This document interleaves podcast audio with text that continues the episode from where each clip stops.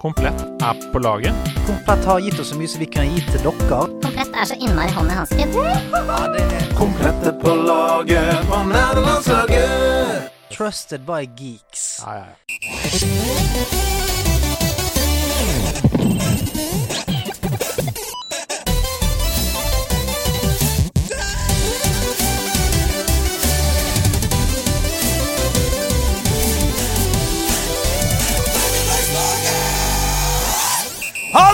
Herlig fyr som elsker å lage ting på YouTube. Der har han over 110 000 abonnenter og får flere hundre milliarder avspillinger på alle videoer han lager. Han hadde sitt første opp, sin første opptreden på TV i programmet Karl Johan i år 2015, der han møtte Hasse Hop på gata uten å vite at de begge skulle møtes igjen litt seinere. Han elsker spill! Han elsker å ha det chill! Og nå er han her på nerdelandslaget! Ta vel imot Kattekryp! Hei, det er meg!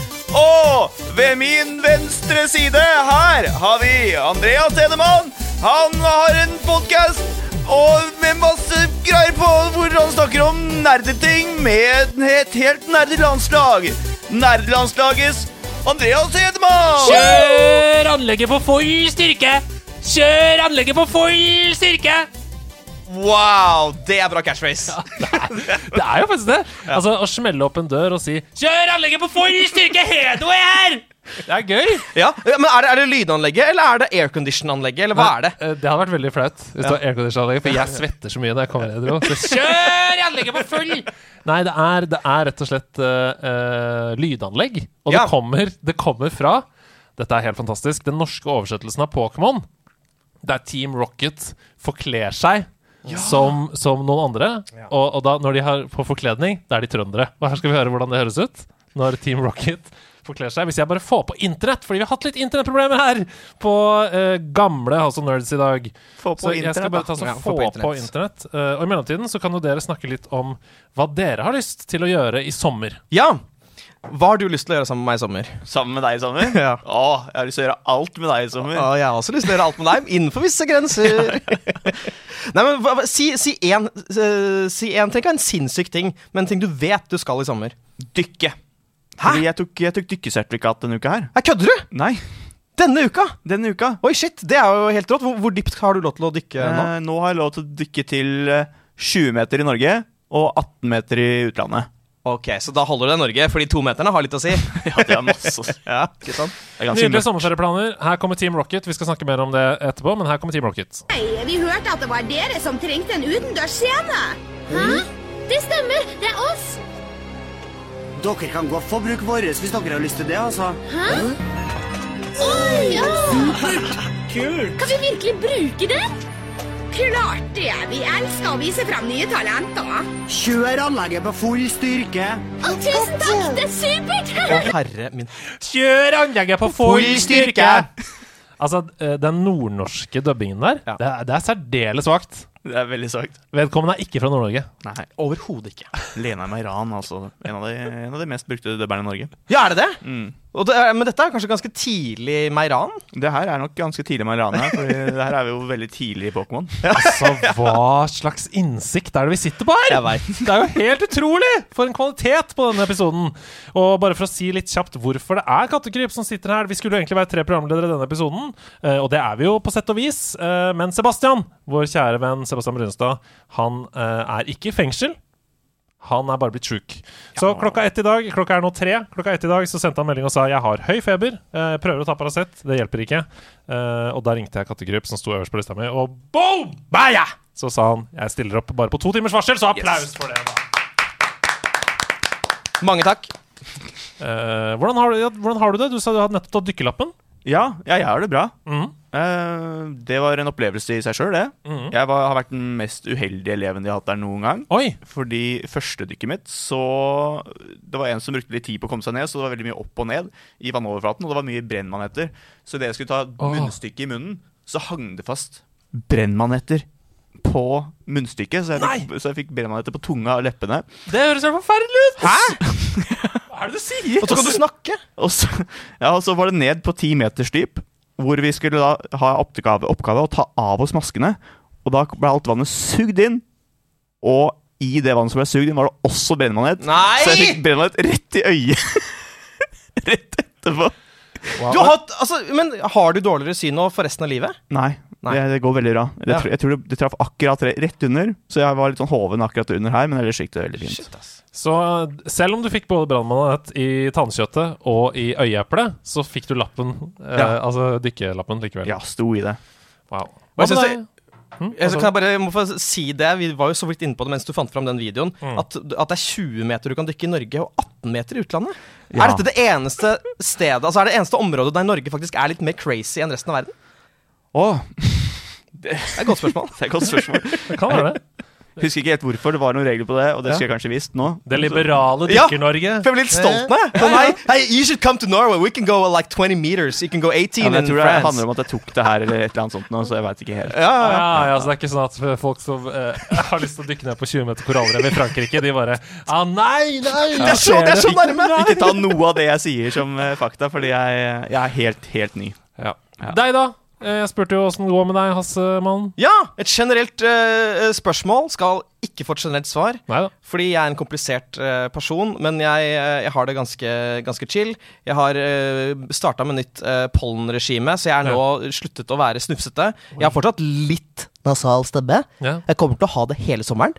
Ja, Men det, det det er gjør deg veldig interessant. Det er en veldig kul stemme. Det er en slags karakter. Du burde ta opp uh, at du snakker som den karakteren, og så kan du spare det til en gang du skal dubbe f.eks. Team Rocket. Ja, Du bør egentlig bare snakke med en sånn stemme, syns jeg. ja, at jeg alltid er der, liksom. Ja.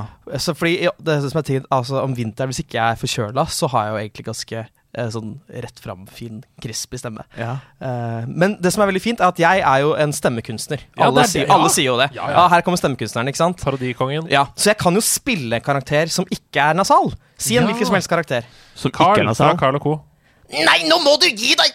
Kommer inn her med den jævla cornflakesen igjen, Nils. Skal drepe deg. Ikke sant? Ja, det var, det var ikke særlig nasalt. Nope. Så ja, det går veldig bra med meg, Andreas. Ja, veldig bra. Eh, I spillenes verden så er det masse gøy som skjer, og i nederlandslagets verden også masse gøy som skjer. Det er altså en nydelig medlem på community, i community vårt som heter Piratfisk, som Oi. står i bresjen for å arrangere Stavanger-treff Oi. i, eh, på i Stavanger i Nederland, for nederlandslaget community-folk. Gøy. Eh, 6. august er det da også Stavanger-treff for alle som nederlandslaget-spillere som bor i nærheten av Stavanger og området. Det går an å kjøre en time, vet du. Selv om du ikke bor i Stavanger, så kan du komme på treff. Det er masse info om det inne på nederlandslag community-gruppa eh, på Facebook, og i kanalen som heter Vestlandstreff inne på Discord. Så gå inn og meld deg på hvis du syns det er gøy å møte andre folk fra nederlandslaget. Da kan dere spille noe shuffleboard, vet du. Drikke noe brus og prate og snakke om hvilken karakter som er best i Smash og sånn. Preka skit. Ja. Og så har det skjedd noe sjukt. Fordi bak meg, jeg aner ikke hva dette er, så står det noe som ligner på en høyball. Altså en ball som er pakket inn, du vet, sånn hvit eh, Ja, ja. pakke. Det står her nede. Å, shit, nå ser jeg det. Det er bobleplast. Det er, det er noe vi har fått fra community, som er sendt hit til oss. Jeg tenkte jeg skulle åpne nå. Jeg aner ikke hva det er. Det er på høyde med et lite bord. Dette er unwrapping på høyt nivå. Her er det altså en lapp på forsiden hvor det står 'Fragile' til nederlandslaget. Uh, åpnes etter unboxing, står det. Ok? Hæ? Dere må kommentere også. Er ikke det her en Ok, eh, nå, nå eh, bruk... Nå, Han har åpna plasten med en, en, en, en saks, og det ser ut som det er noe Nei, hva- gullaktig. En svær ting. Hva er det for noe? Det er svært, ja. Den Jeg kan ikke helt se hva det er, men Hva, Jeg- er, hva er dette for noe? Jeg er redd for at jeg har spoila hva det er for noe. Nei! er et bord! Det er Å, herre. Det er et eh, bord som er lagd i treverk med eh, lyn som bein. Pikachu-haleaktig lyn. Pikachu-haleaktig bein som uh, lyn som bein. Og det, står, det er en plakett som er gravert hvor det står NL. Det er en skinnplakett faktisk hvor det står NL. Og på toppen så er det en glassplate med oh, masse Ja! Pokémon-kort Oh, som er da eh, eh, laminert inn i bordplata. Og det er en Pikachu V som er veldig, veldig sjelden på toppen. Fy fader, altså! Men er dette lagd? Hva? Det er Det der er lagd. Det der er det lagd av en lagd. ekspert. Se på det! Det der er helt fantastisk. Er det, er det en krakk? Er det et bord? Ja. Nei, det er en kattekrakk. Ja. Krakkebord. Altså, Jeg vil jo ikke at noen rumper skal skitne til de fine kortene der. Ja, men det er vel Men er det en krakk? Er det ikke Det er vel Ja, det er vel et bord. Det er kanskje et bord? Ja, det er jo helt sykt. Her er det masse Hollos, Tapulele, GX uh, er her. Arcus V! Arcus V! Hva er det som skjer? Dette er helt crazy Altså, til alle som hører på nå, dette skal jo selvfølgelig bli stående på House of Nerds. Det må jo brukes! Altså, det må jo være et bord her på Ja. House of Nerds. Ja. Kan det være et bord som da blir brukt i uh, som, kan, som kun blir brukt i Pokémon-sammenheng?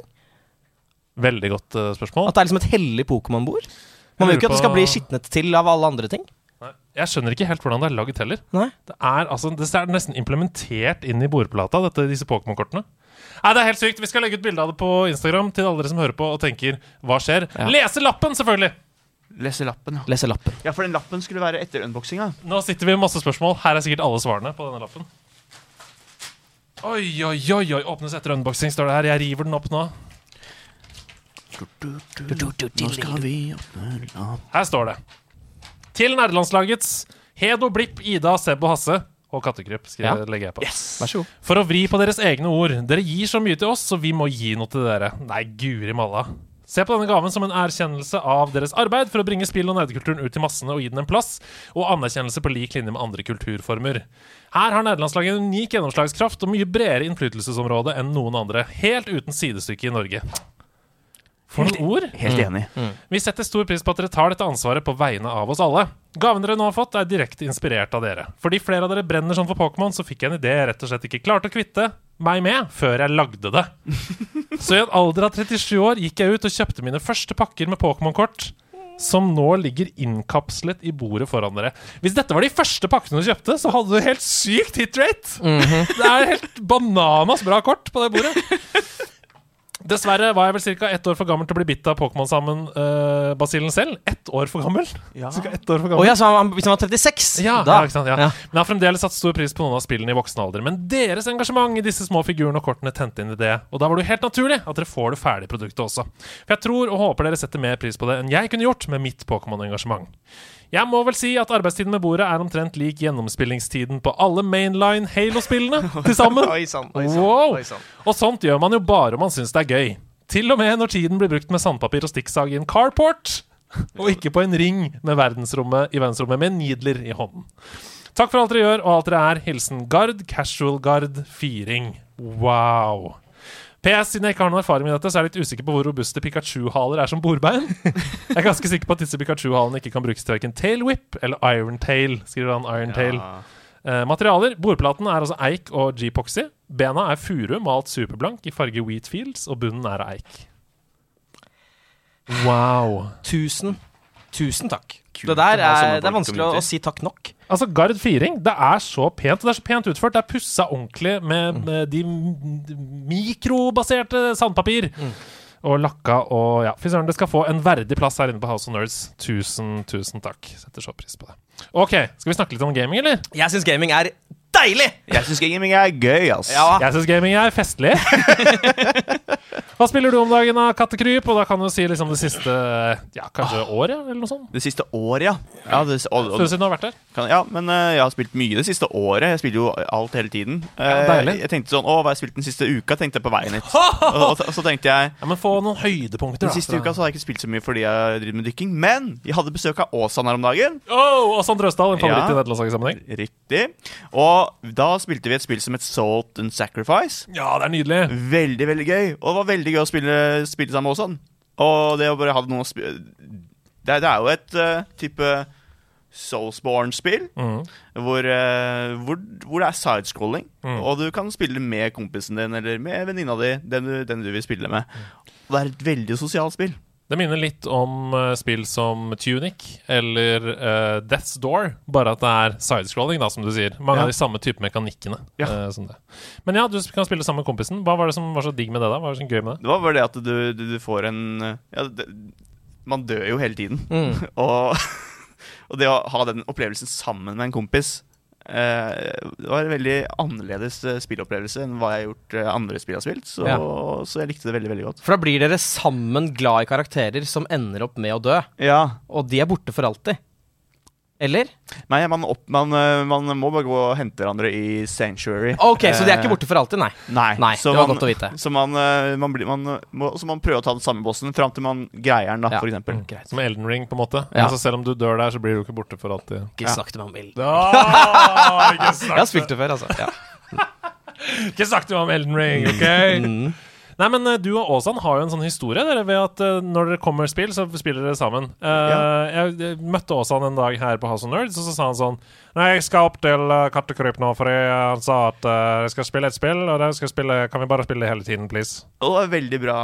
Åsan- den var fin. Ja. Ja, ja, så, ja, vi, ja, vi, spilte, vi har spilt mye spill uh, sammen, og når han er på besøk, så spiller vi ja, couch, couch eh, co-op-spill. Mm. Og når, vi, når han er hjemme, så spiller vi gjerne via internett. Ja. Men nå har han fått seg dame, så han eh, er, jo, er jo mye mer med hun enn med meg nå. Ja. Ja. Wow. Fordi han Hva sa du? Nei, nei, nei, fortsett. Han har jo pleid å overnatte på sofaen din og sånn. Ja. Er det sårt? Nei, jeg syns det er veldig, veldig koselig å ha Nei, men nå som han ikke gjør det lenger. Ja, det er litt sårt, ja. Ja. Ja. For nå tar det mye lengre tid å komme gjennom de spillene som vi spiller sammen. Det er bare det. Bruker som en slags juksekode. Ja, Men, men eh, spiller, kan, spiller dama hans? Kan dere eventuelt bli, eh, eventuelt bli en trio til slutt? Ja, han snakker ikke så mye om uh, hus, og han, får, han får komme hit og snakke om hus sjøl en dag, tenker Ja, jeg. kanskje han skal gjøre det, vet du. Kanskje dette er et sånn klassisk eksempel sånn som man hadde på ungdomsskolen. Jeg har dame, det er bare på hytta. Jepp. Der har vi det. Der har vi det. Fins ikke. Skjedde det etter påskeferien? At han fikk seg dame? Oi! Det var kanskje rundt den tida der, kanskje. Jeg har dame i Tyrkia. Det er, hun er der. Ja. I uh, Anatolla? Er det det? Nei, hva, het- hva, hva heter det? Vi, vi kyssa under vann i bassenget. Det var Ja. kjempefint. Ok. Uh, noe annet du har spilt i det siste? Du snakka litt om Wonderlands før vi gikk live her. Ja, det er jo spilt. Det, og, ja, og det var jo før vi gikk live også. Mm. Så, da- og det har jeg likt. Jeg har likt det veldig godt. Men uh, Og det at man kan lage sin egen karakter, er en ting jeg har likt veldig godt. Så jeg kompisene, kompisene har jo lagd eh, da, eh, oss selv som karakterer. Ja. Så de ligner mest mulig på oss selv. Deilig. Og det er veldig gøy. Og man kan jo velge høyde, og han ene kompisen min er jo ganske ikke så høy. Ja, kjenner til det problemet. Så hans karakter er mye lavere, og det er, vi finner mye humor i det. Ja. Uh, Er det da sånn, ja, fordi det synes jeg bare, mens vi er inne på det når, Hvis du skal lage deg selv, tar du virkelig å gjøre deg selv så lik som mulig? Eller er det virke, visse attributter som du gjør større eller mindre? Og så med meg selv så er det liksom det at jeg vet at munnen min er på samme bredde som nesa. Ja. Så, så nesa mi er ja, litt, litt større okay. enn en uh, normal persons uh, nese. Ja, er Alt er normalt. ja, ja, men innenfor, innenfor scrolleren, da. Ja, som er ja. Ok. midten av Ok, scrolleren. greit. Der, ja. og, så, så er det mye, og da er mye gjort allerede, bare ved å gjøre de to tinga der. Ja. Så Så det er ikke sånn at du på en måte Da har er mye gjort! Ja, det er mye gjort. Nei, men tenker sånn, fordi Hvis man liksom sier at du har drømt om å ha eh, leggmuskler som veier 20 kilo hver, ja. legger du da til det? Bare sånn fordi du kan? Nei. Nei, jeg prøver å gjøre det så, så likt som mulig. Ja. Ja, Ja, ok, ja, ja. ok, greit. Ja. Nei, interessant. Men eh, Wonderlands, du sa at du reagerte litt på at de har fjerna blodet. Ja, fordi man får ikke den hit-registreringa. Den, Nei, den er ikke like tydelig.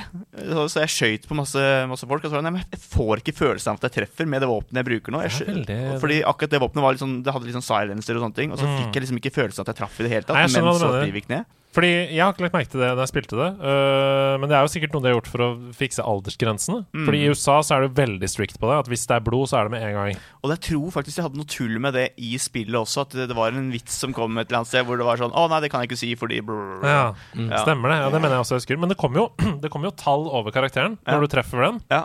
Oppleves ikke det som hits? Jo, men det var liksom ikke like tydelig. Det var et eller annet med akkurat det. Som, du så bare livet gikk nedover. Og, og så var det sånn Men det var liksom ikke noe lyd av det at det traff, eller noe som Jeg, jeg følte liksom ikke den samme Nei, Jeg tror du bare har blodfetisj. jeg. Det kan være det også. Kjipa. Som en vampyr. Som en vampyr? Ja. Oi! Ja, jeg føler jo vampyrer har jo blitt liksom Det har blitt mer og mer snakk om, uh, snakk om vampyrer, da. Vet dere hvorfor? Nei. Fordi nettopp har vært helg. Hva har det med saken å gjøre? Vampire Weekend. OK! Det er dagens! Den er veldig, veldig Den er kjempebra, Andreas! Ja, det er meget bra. På sparket, liksom. Helt på sparket. Helt på sparket. Den er dritbra. Det er Helt fantastisk. Ok, eh, fra Wonderlands til annet. Hva annet har du da spilt om i det siste?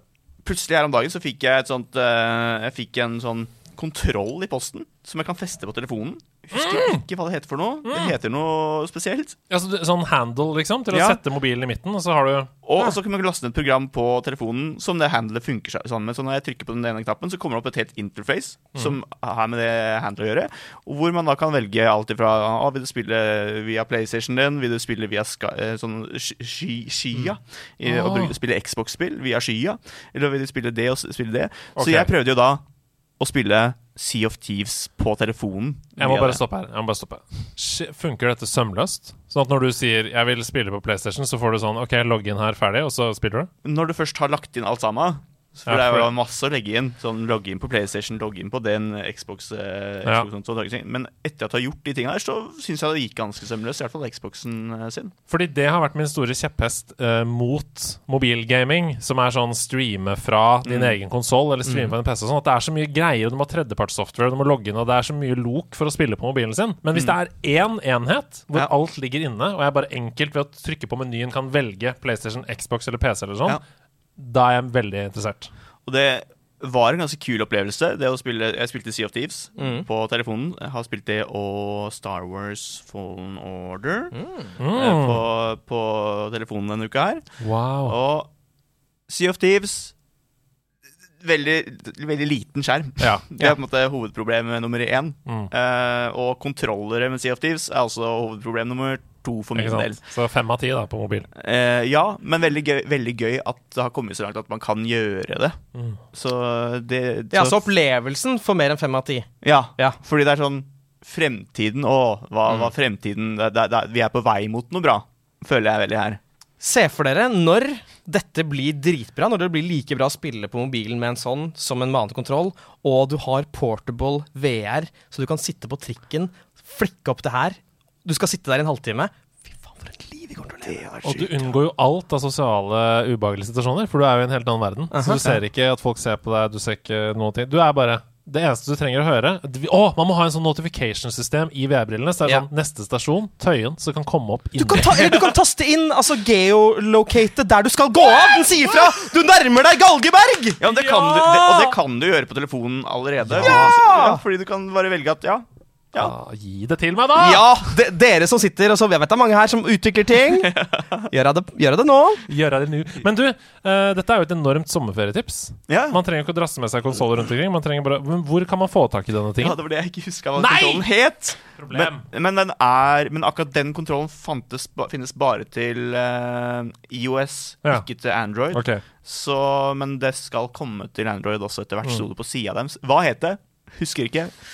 Time to Google machine things. Ja, Shout-out til dere, i hvert fall. Hadde jeg hatt noe å google på nå, så hadde jeg gjort det. Men du spilte noe annet enn CO2, så hva var det du sa?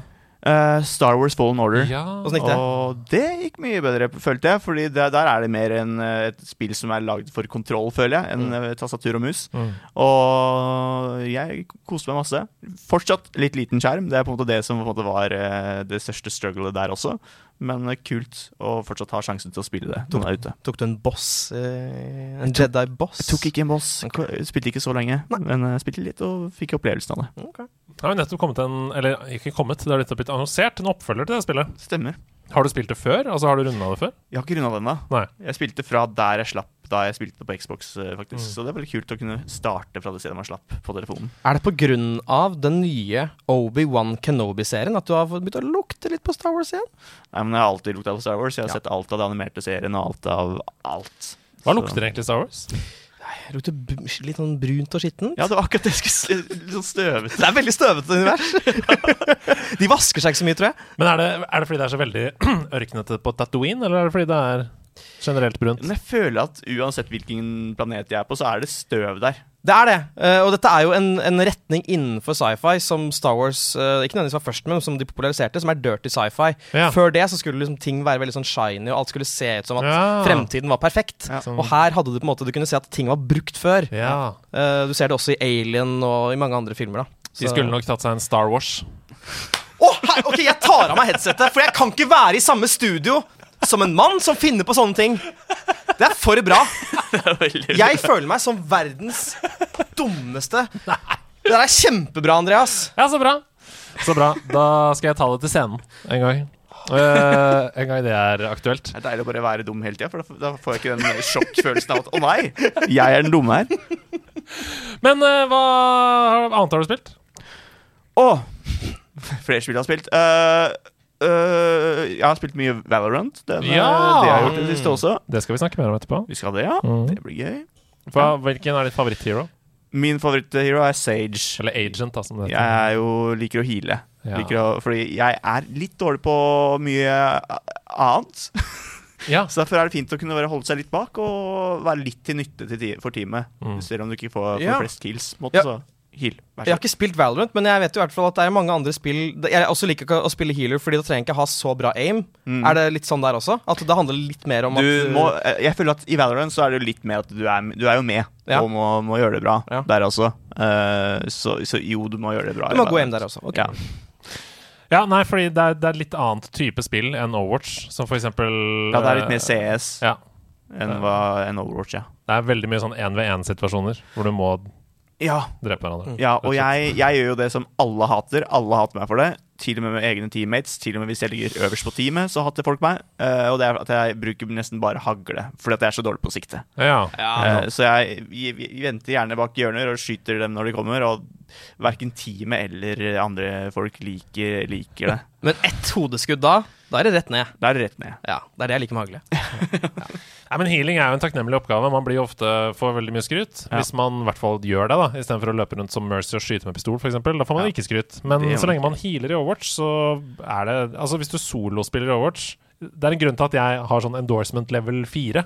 Og det er, det er ikke fordi jeg er så veldig god, det er bare fordi jeg healer Ja. hele tiden. Folk elsker det. Hvis du spiller DPS, så får du aldri endorsement level 4. Da må du være veldig veldig god. Ja. Uh, så ja, det er mye lettere og Ja. mye mer takknemlig oppgave.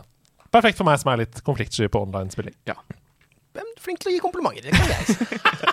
Han gir, kompl han gir komplimenter til folk på et andre lag til og med. Altså, han er veldig, veldig Ja, men det, og det er sånne folk jeg liker å spille med, fordi jeg liker å gjøre det òg. Let's not be toxic, guys, sier Andreas hele tiden. Det er litt irriterende, da. Jeg er litt for glad. Nei, Jeg skriver sånn uh, Good round, guys. Jeg- We got this. I chatten og sånn. Men jeg også liker å være så glad at jeg nesten blir toxic fordi jeg er så glad. De tror de er, at du er At ironisk. jeg at Å, jeg er så god du er! Å, Så flink du er til å spille skytespill! Så da, ja. Ja ja, Hasse. Hva er det du har spilt i det siste, da?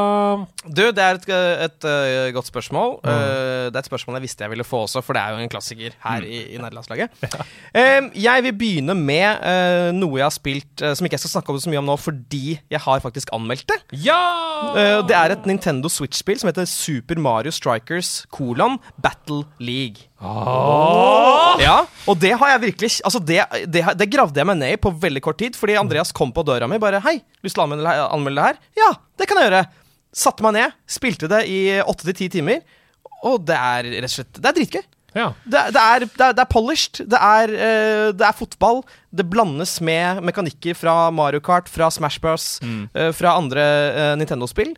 Og det er overraskende dypt. Altså, Mekanikkene i spillet er ganske du, Hvis du møter bra folk, så sliter du. ja. Jeg har bare sett trailere av det. Men Mm. jeg, jeg spilte, jo, spilte, det på, spilte jo det forrige, det på Nintendo Wii. Ja. Det spilte jeg jo en del. Men jeg syns det her ser mye mer eh, gjennomtenkt ut Mm. enn hva det på Wii var. Jeg synes det, er, det er mye mer de har lagt inn i det. Ja. Og det så jeg er veldig spent på det sjøl. Jeg har jo også spilt det i ca. halvannen time, og det er jo tettere på e-sport enn Ja. det er Mm. enn det forrige spillet. Uh, Wii-spillet var mer et partyspill. Ja. Dette, er, dette er det absolutt mulig å bli skikkelig god i, Ja. liksom. Og det syns jeg er kult. Eh, og det, jeg snakker jo om det i anmeldelsen også, men dette kommer til å Så lenge dette selger bra nok, og det tror jeg det gjør, så vil dette bli en ganske høyt anerkjent e-sportgren. Ja, så fett. Mm. Veldig gøy. Uh, men utfordring, for du har jo noen uh, nevøer Ja. som du liker godt å henge med, Jippidoo. og som syns du er den kuleste onkelen i verden. Uh, går det an å spille dette med dem? Ja, det, det går an. Altså Det som på en måte er litt av problemet, kontra f.eks. å bare sette seg ned og spille Mario Kart eller Mario Party, eller noe, noe sånt, er at man må faktisk lære seg det grunnleggende, og det vil ta kanskje 20-30 minutter. Ja, for jeg brukte litt tid på det sjøl. Det er ganske mye å sette seg inn i. Men er det mer å sette seg inn i en Smash Bros? Em, ikke nødvendigvis, men jeg føler likevel at du kan hoppe inn i et Smash Bros-spill, og så lenge ikke motstanderen din er helt sinnssykt god, så kan du ha det gøy med å bare button-mashe. Ja. Du kan ikke bare button-mashe her. Du må faktisk vite litt hva, hva du gjør, da. Ja. Så jeg tenker, så lenge jeg kan uh, sette dem inn i det, så kan vi møtes mange ganger og, og kose oss. Ja. Mm. Kult. Vi skal høre mer om det i anmeldelsen etterpå. Veldig beefy og fin anmeldelse. Åtte-ni minutter eller noe sånt. Er helt nydelig. Veldig lang og fin. Gleder meg til å høre. Ja, Den er morsom òg. For de som liker humor. Ja, Det er det, er jo et virkemiddel jeg er veldig glad i. Ja. Så det er liksom min X-faktor i, i nerdelandslaget. Ja. og så uh, har Og så har jeg spilt uh, Så har jeg spilt uh, The Way Out. Å! Uh, Couch-coop-spillet til Josef eh, Ja, Fares. A, A Way Out. Sorry, det var ikke meningen å arrestere deg på det. A Way Out. A Way Out. A way out. Ja. Det er, ja, men jeg syns det er flaut uh, lell. Ja, men det må du ikke synes. Nei, nei, jeg må ikke synes det. Men det er A Way Out. Ja. Eh, og dette kom jo for en eh, fem års tid siden. uh, og er eh, veldig kult å sitte og spille med, med Jeg spiller det med noen som ikke spiller så mye. Ja. Og det, det funker veldig bra fordi det er så cinematisk. Ja. Ja. Eh, det er jo lagt opp som en delvis en sånn Prison Break-film, delvis en thriller. eh, og man kan liksom sette pris på de spenningsmomentene, dramaturgien, og på en måte Det du skal trykke på, er ikke så det er ikke, Du må ikke være teknisk veldig flink, da. Det er liksom sånn Trykk A her, eh, trykk eh, eh, X her. Altså det er Mm. mer sånn uh, cutscene-trykking, på en måte. Eh, så det, det funker veldig bra. Og jeg syns det er et, eh, et eh, kult spill. Jeg spilte det med faktisk Sebastian Brynestad da det kom. Uh, og det er jo en slags spirituell oppfølger til Brothers. Uh, eller det er jo ikke det! Det er jo ikke en spirituell oppfølger. Det er det samme spillselskapet som har lagd det. Ja. Og de er glad i couch coop. Ja. Uh, det er egentlig det jeg prøver å si. Eh, og den spirituelle oppfølgeren må vi kanskje si er It Takes Two. Som er et av de Ja, ja. absolutt favorittspillene mine noensinne. Så, ja. Det er ikke dette, Way Out, ikke det, men Nei. et helt fint eh, syv av ti spill for meg. Ja, helt enig. Ja. Veldig sånn eh, OK pluss å spille med noen uh, i sofaen hjemme. Så hvis du har lyst til å gjøre det i sommer, liksom, uh, si at du har spilt i Takes2 da, Mm. og har lyst på en til opplevelse i samme stil, Mm. så er det bare å kline på. Ja. Og det, det, det, en liten sånn, Et avbryte er jo altså etter å ha spilt uh, Takes Two, som jeg syns har ganske bra manus Innimellom syns jeg er litt sånn kliste, men ganske bra manus. Her, De er ikke like finpolerte. Det er ganske mye sånn klisjé uh, actionfilm-dialog. Litt sånn Hey, so what are you in prison for? Hi, don't ask me about that. I'm not gonna tell you about what I did, you piece of shit. What? We are in this prison together, man. Altså, det, det, det er på en måte Du må bare ta det for det, for det det er. Jeg hadde tenkt å si sånn Å, du har ikke spilt det før nå? Og så kom jeg på at jeg har ikke spilt det ennå. Ikke sant? Ikke sant? Ja, forsiktig med Så det. jeg, Ja. ja, det, har jeg ikke, det har jeg ikke spilt ennå. Nei, men jeg er enig i det. Det er jo sånn, Veldig ofte så syns jeg det kan være fascinerende hvis jeg kommer over uh, en film eller en serie eller en bok eller noe sånt som jeg syns er kjempebra, så er det gøy å gå tilbake i den forfatterens uh, forfatterskap da, Mm. og se hva som formet, hva som kom eh, gjorde at vedkommende kom hit i kunsten sin. Og sånn føles A Way Out. Det føles som en betatest av It yeah. Takes Two. Yeah. Yeah. Altså Det er litt dårligere på alle måter, Mm. men det er fortsatt ikke dårlig. Nei, nei. Altså It Takes Two er jo et av Vi kåra det til årets spill, så ja. Så uh, absolutt veldig kult. The Way Out uh, der, altså. Kjempespill. Åh, jeg kommer aldri til å glemme at jeg sa det. Um, og så Stakkar. Så har vi rett og slett uh, en liten trio av spill. Um, fordi jeg fant fram min gamle Nintendo 64. Ja! Har du den? Ja! Enda? Jeg har min gamle 64! Den har stått hos mine foreldre lenge. Og jeg fant den fram pga. ett spill som jeg ikke skal nevne nå, men som jeg skal nevne i Ta med-spalten. Åh. Så det var et spill jeg spilte. Sier ikke hva det var. Deilig. I tillegg eh, spilte jeg rett og slett eh, eh, litt Wave Race 64. Oi.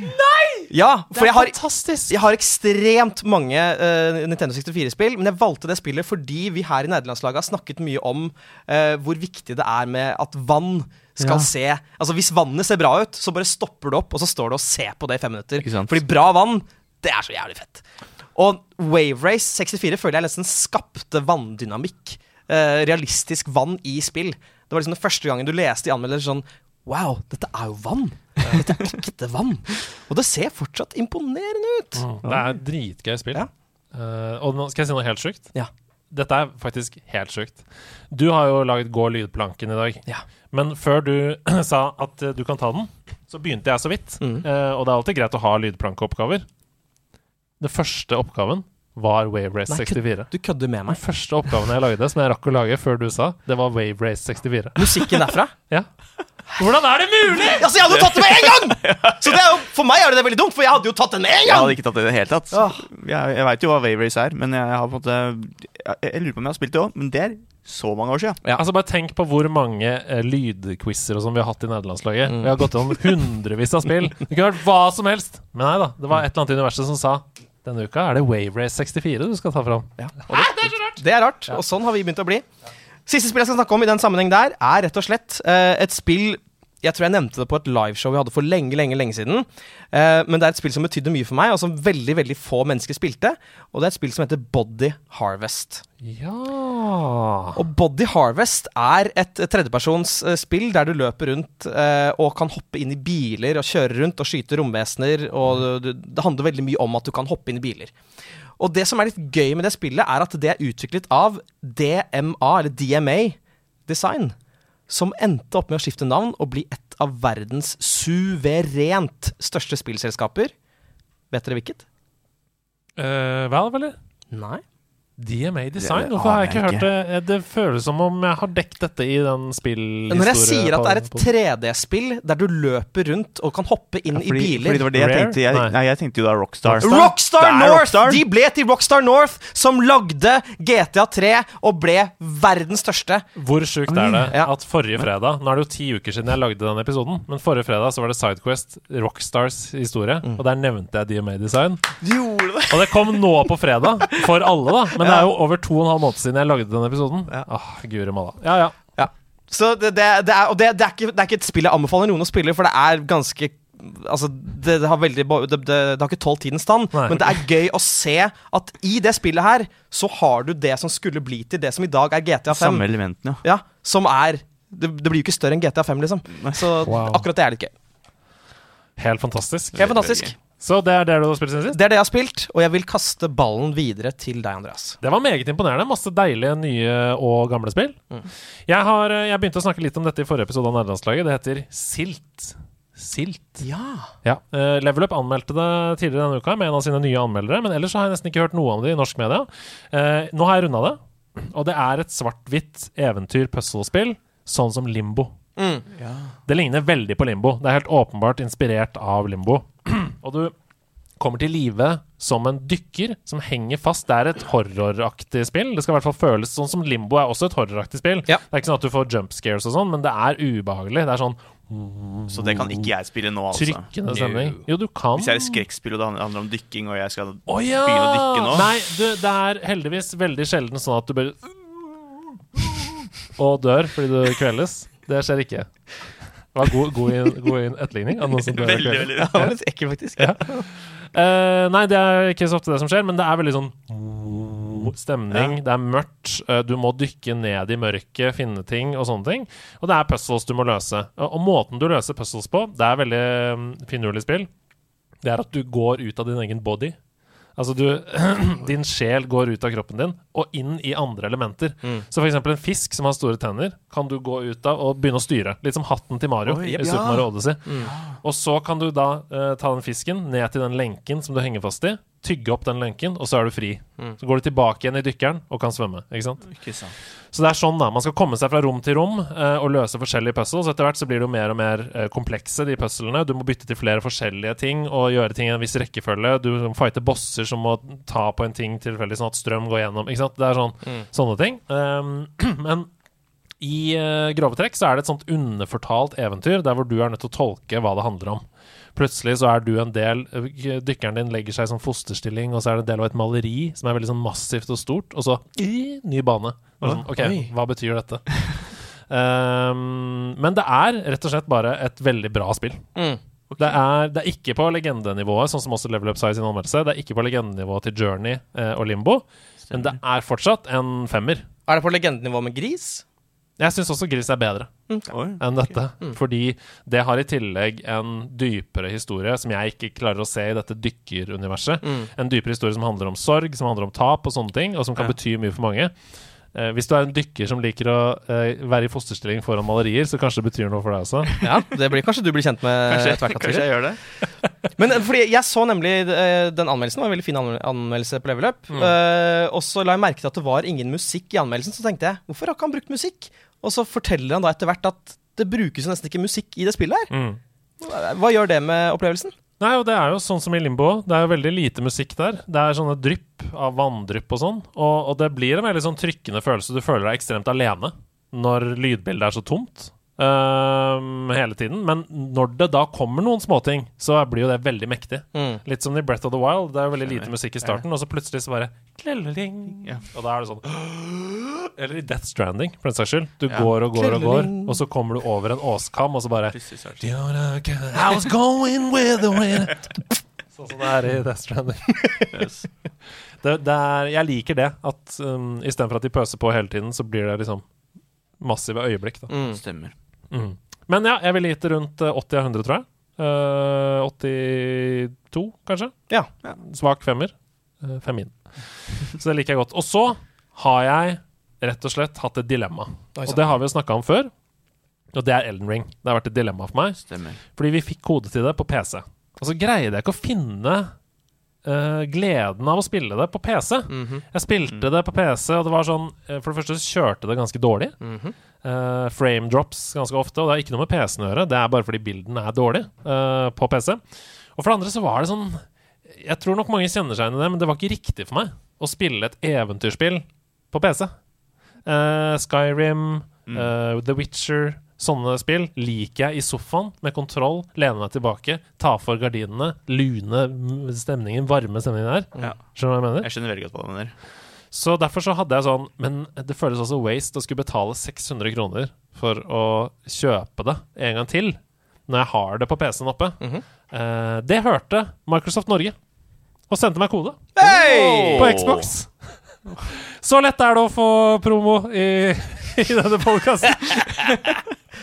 Så jeg fikk rett og slett Elden Ring på Xbox, Ja. og jeg er fullstendig lost! Selvfølgelig. Jeg har spilt 15 timer. Jeg har most ned uh, Kan ikke nevne navn på bosser. Jeg har tatt to svære bosser. Skal jeg si det? Jeg kan godt si det. Nei, for det er spoiler. Oh, ja! Så jeg kan ikke si det. Og jeg trodde du bare ikke husket det. Jeg trodde det var så Nei, greia. nei, jeg vet hva de Ja. heter. Nei, Jeg har fortsatt ikke fått spilt Elden Ring, altså. Nei, så jeg kan, Nei. ikke, jeg kan ikke si det. Uh, men vi er nødt til å snakke litt konkret om, om spillet. Uh, og da mener jeg Altså, hvis du Jeg kommer kanskje til å snakke om den første timen.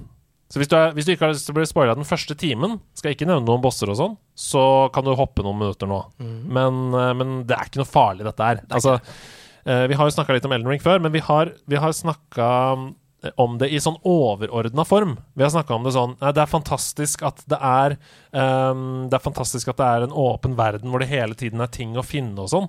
Ja. Men jeg syns jo anslaget er så bra. Anslaget gjør deg jo hekta med en gang. Mm. Eh, I motsetning til f.eks. spill som tutorialer deg i hjel. Yes. Som Pokémon, f.eks. Som uh, Kingdom Hearts. Mhm. For eksempel. Så blir du her bare kasta ut i det med en gang. Ja. Og du bestemmer selv uh, hvordan pacingen din skal være, og hvordan vanskelighetsgraden din skal være. Uh, og det, jeg blir så hekta. Det kjører så utrolig bra på Xbox. Det er ingen frame drops. Digger det. Mm. Uh, og har spilt som sagt 15 timer. Er level 33 eller noe. Eh, og har tatt to svære bosser. Eh, og nå er jeg helt Jeg kommer ikke til å spille annet i sommerferien. Er det, med anførselstegn, fare for at det kan bli Game of the Year for deg? Eh, ja. okay. Det er det. Og jeg har jo anmeldt ti spill hittil i år.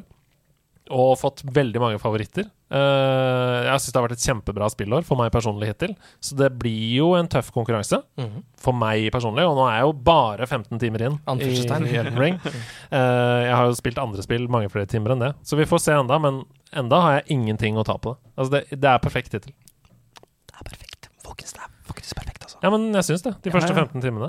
Um, Jeg veit jo ingenting, jeg, så jeg, jeg må bare høre på dere. Og ta Er det første gang du hører om det. Elden Ring? Jeg har aldri hørt om Elden Ring. jeg, har- jeg har jo hørt om det. Men Jeg jeg, ikke, okay, la, la meg, jeg spiller jo noe som heter en quality build. Det Mm. betyr at jeg investerer i uh, Dex, i Strength, i uh, Vital, er det det heter? Mm. Vitality, Vital, og i Endurance. Mm. De fire store, uh, som jeg jo også har investert i når jeg har spilt Demon Souls, når jeg har spilt Bloodborne osv. Uh, og så slår jeg med sverd, og så blokker jeg med skjold. Og det er det. Jeg bruker ikke noe magi, f.eks. Gjør du det? Bruker du magi, Hasse? Jeg bruker omtrent eh, ikke magi fordi jeg har kjørt samme type bild, og da er det bare bortkasta, føler jeg. Mm. Men jeg, det som er viktig for meg, er å kjøre double-handed sword. At Ja. jeg, jeg bruker ikke skjold. Og det, så, og det er ikke noe kritikk av at du gjør det. Det er en helt fin måte å spille det på. For meg, jeg bare syns det er veldig gøy å gjøre masse damage og heller få masse damage tilbake. Ja. Det er litt min spillestil. Jeg gjør det når det er veldig mye close combat. Mm. Altså for eksempel når det er e- ett stort eh, En stor fiende, som for eksempel en boss eller en miniboss eller sånn. Da bytter jeg til det. Da Mm. bytter jeg til to-handed uh, sverd, og så dodger jeg isteden. Ja. Uh, men når det er liksom for eksempel stor crowd control, det er ti stykker som angriper meg, da bruker jeg skjold, slå, skjold, slå, Mm. slå, og prøver å crowd control på den måten. Stemmer. Ikke dumt i det hele tatt. Nei, jeg syns det funker, jeg. Det er gøy, ass! Det er kjempegøy. Ja, men det ser, ser gøy ut, men ja, ja. Som sagt så har jeg bare ikke kommet meg inn i det. Mm. Vet du hva? Jeg tror, jeg, jeg tror det er en styrke på YouTube å være en av de som ikke spiller Elden Ring. Fordi da, men det, det betyr jo at du da kan bruke de 170 timene som mange bruker, på helt andre ting! Og det, det er en verdi i seg selv. Ja. Det mener jeg. Å bli en bedre person. En bedre person. Ja, men jeg spiller veldig mye CFDs, Thieves, da. Det, Ah. er, det, er, også tar mye, mye tid. så det hjelper ikke så mye. Nei, okay. Men hva er det som tiltaler deg med Elden Ring, da? Hvis du ser på det? Eller hva er det som gjør at du ikke har spilt det, egentlig?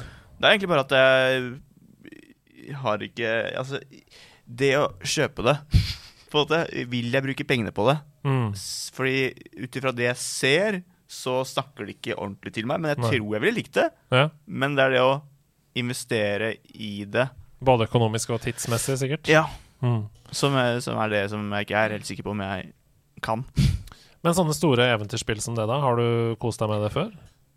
Store eventyrspill har jeg kost meg masse med. Jeg tenker på Zelda Link to Zelda, nei, jeg har jo spilt alle Zelda-spillene. Mm. eh, I hvert fall de 3D-Zelda-spillene som, som jeg har følt at eh, dette her ser fett ut. Og det har jeg likt veldig godt. Mm. Så jeg tror jo det her også er noe som treffer meg, men jeg bare ikke kommer meg til det punktet. For det som er fascinerende for meg, som jeg ikke trodde at jeg skulle føle, det er at Elden Ring er for meg mye mye nærmere Breath of the Wild enn det er f.eks. Bloodborne. Mm, det føler jeg også. Uh, det er masse ting å oppdage, du skal utforske, du finner masse forskjellige uh, crafting-elementer som du ikke aner hva du skal bruke til, akkurat som i Breath of the Wild. Yes. Og så går det opp for deg, og så plutselig står du og stanger på en boss, og så er det sånn Neimen, jeg har jo denne electricity judge Og så kan du bare bruke den, og så er det en stor fordel, f.eks. Deilig følelse. Ja. Ja, det er det. Ja, det er deilig følelse. Så ja, eh, det er Breath of the Wild, bare med litt Uh, mindre fargerik uh, grafikk. Det må vi være ærlig på. Litt mørkere. Ja, skal ja. si det. Litt brunere. Ja. Men uh, det kan godt hende at det åpner seg for meg snart og blir veldig fargerikt og tropisk og sånn. Jeg har hørt at det er veldig stort og forskjellig. For, Mm. Fortsatt loker jeg bare rundt i det første mappet. På en måte. Åh, det, er så mye, åh, det er så mye så fint du skal oppleve! herregud, ass, Andreas. Jeg får jo lyst til å oppleve det også når jeg hører dere si det. Når har du bursdag? I mars. Da skal du få det i mars. Til neste Om påske! dritlenge. Men det er veldig bra. Neste påske, da Ja. har du sikkert litt fri og Da skal du få det av meg. yes. Har du noen tips til hva jeg burde gjøre? Er det noe jeg burde vite som kan gjøre spilleopplevelsen lettere for, eksempel, for meg? Jeg tipper du allerede gjør det her, men det er rett og slett bare å eh, Når du kommer til et nytt, nytt område, bare utforsk dritten ut av det. Mm. Ikke tenk at du må komme deg til en eller annen boss, eller at du må hit og dit og dit. Bare alltid utforsk hele tiden. Mm. Aldri tenk at du sløser med tid når du er et sted, for du sløser aldri med tid i dette spillet. Så bare, bare kos deg. Nydelig hint som også kan hjelpe mange andre som hører på. Takk til dere, og takk for meg. Ha det bra! Ha med, ha med dag. Hey, hey. Ha med, ha med dag. Ha med ting etter ditt behag, for det er ha med dag. I dag har vi jo masse ting Masse som kan være store. kan være De kan også være små. De kan være De kan være som det bordet. Det er en litt firkanta ting som jeg har med. Men hva Hasse med? Jeg vil se! For det er ha med ting, jeg har jo det med. Som er noe du kan se. Som er noe jeg kan se. Du kan lese i det og bruke øynene. Jeg har ikke med meg noen ting fordi jeg fikk litt kort varsel. Men Andreas og Hasse, de Har det seg ha med dag. Ja! Den, den er god. Veldig, veldig bra. Veldig, veldig bra. Eh, vil du begynne? Eller skal jeg begynne? Jeg vil at du skal begynne, Andreas. Ok. Jeg har med meg et Del Taco eksternt batteri. Ja. Og det eh, er sånn at når du trykker på det, så ser du hvor mye batteri som er igjen på den her. Og når du dobbeltklikker, så er det lommelykt. Uh, den er der. Wow. Funksjonene til dette batteriet er helt irrelevante. Uh, den har tre USB-porter. Helt irrelevant. Det eneste jeg trenger, er én USB-port. For det, grunnen til at jeg kjøpte meg dette batteriet her, etter nøye googling og nøye finne ut hva som er mest eh, Hva heter det? ampere for uh, your buck, mm. osv. Det var da Pokémon Go traff Norge i sommeren 2016, var det det? Å ja! Og jeg skulle ut på eventyr for å fange hver og en Pokémon. Og hadde ikke nok batteri på mobilen min. Nei. Jeg måtte ha et eksternt batteri i tillegg. Og jeg hadde det i jakkelomma. Og jeg gikk rundt på Grünerløkka, og jeg så andre folk som gjorde det på samme måte. Det stakk kabler ut av jakkelommene deres. Og på broa over Akerselva, der sto det fire stykker og jakta Magikarp. Og jeg bare 'Har dere funnet noe fett, eller?' «Eh, 'Borti her er uh, Weedle'. Uh, og de bare 'Å, fett, det er Weedle der'. Vi stikker til Botanisk hage, for der har jeg hørt det er Pikachu. 'OK, vi drar til Botanisk hage'. Uh, 'Der er Venusaur'. Wow. Og sånn var hele den sommeren. Verden, det var tidenes beste sommer. Det var det var helt fantastisk. Jeg, jeg møtte masse folk som jeg aldri har møtt før. Dette var jo før nederlandslaget og før sånn. Fikk uh, bekjente som jeg fortsatt eh, kjenner til.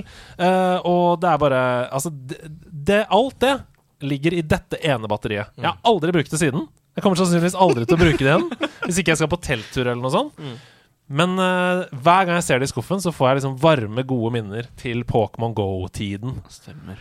Drev du med det òg? Jeg drev eh, masse med Pokémon GO. Jeg, Ja. start, jeg, jeg lasta det ned da det bare var tilgjengelig i Australia. For det var Jeg bare, òg! ja, så, så jeg fant en sånn måter Jeg husker ikke hvordan jeg gjorde det, men det var sånn inn på iTunes og gjøre masse greier der. Og, Jeg husker det. og, og det var, kjempe, var kjempegøy. Ja. Men jeg husker for de første dagen så serverne våre krasja og sånne ting. Ja, ja. Og jeg, husker, og det var sånn, jeg skulle lage video. Jeg skulle være den første, første i Norge som lagde video av det. Mm. Jeg husker Det var en kjempefin opplevelse. Bare Men jeg bodde langt, langt, langt ute på bygda, vet du. Ja. Var du den første som lagde video om det i Norge? Jeg var den første som lagde video om det i Norge. Er det sant? Ja.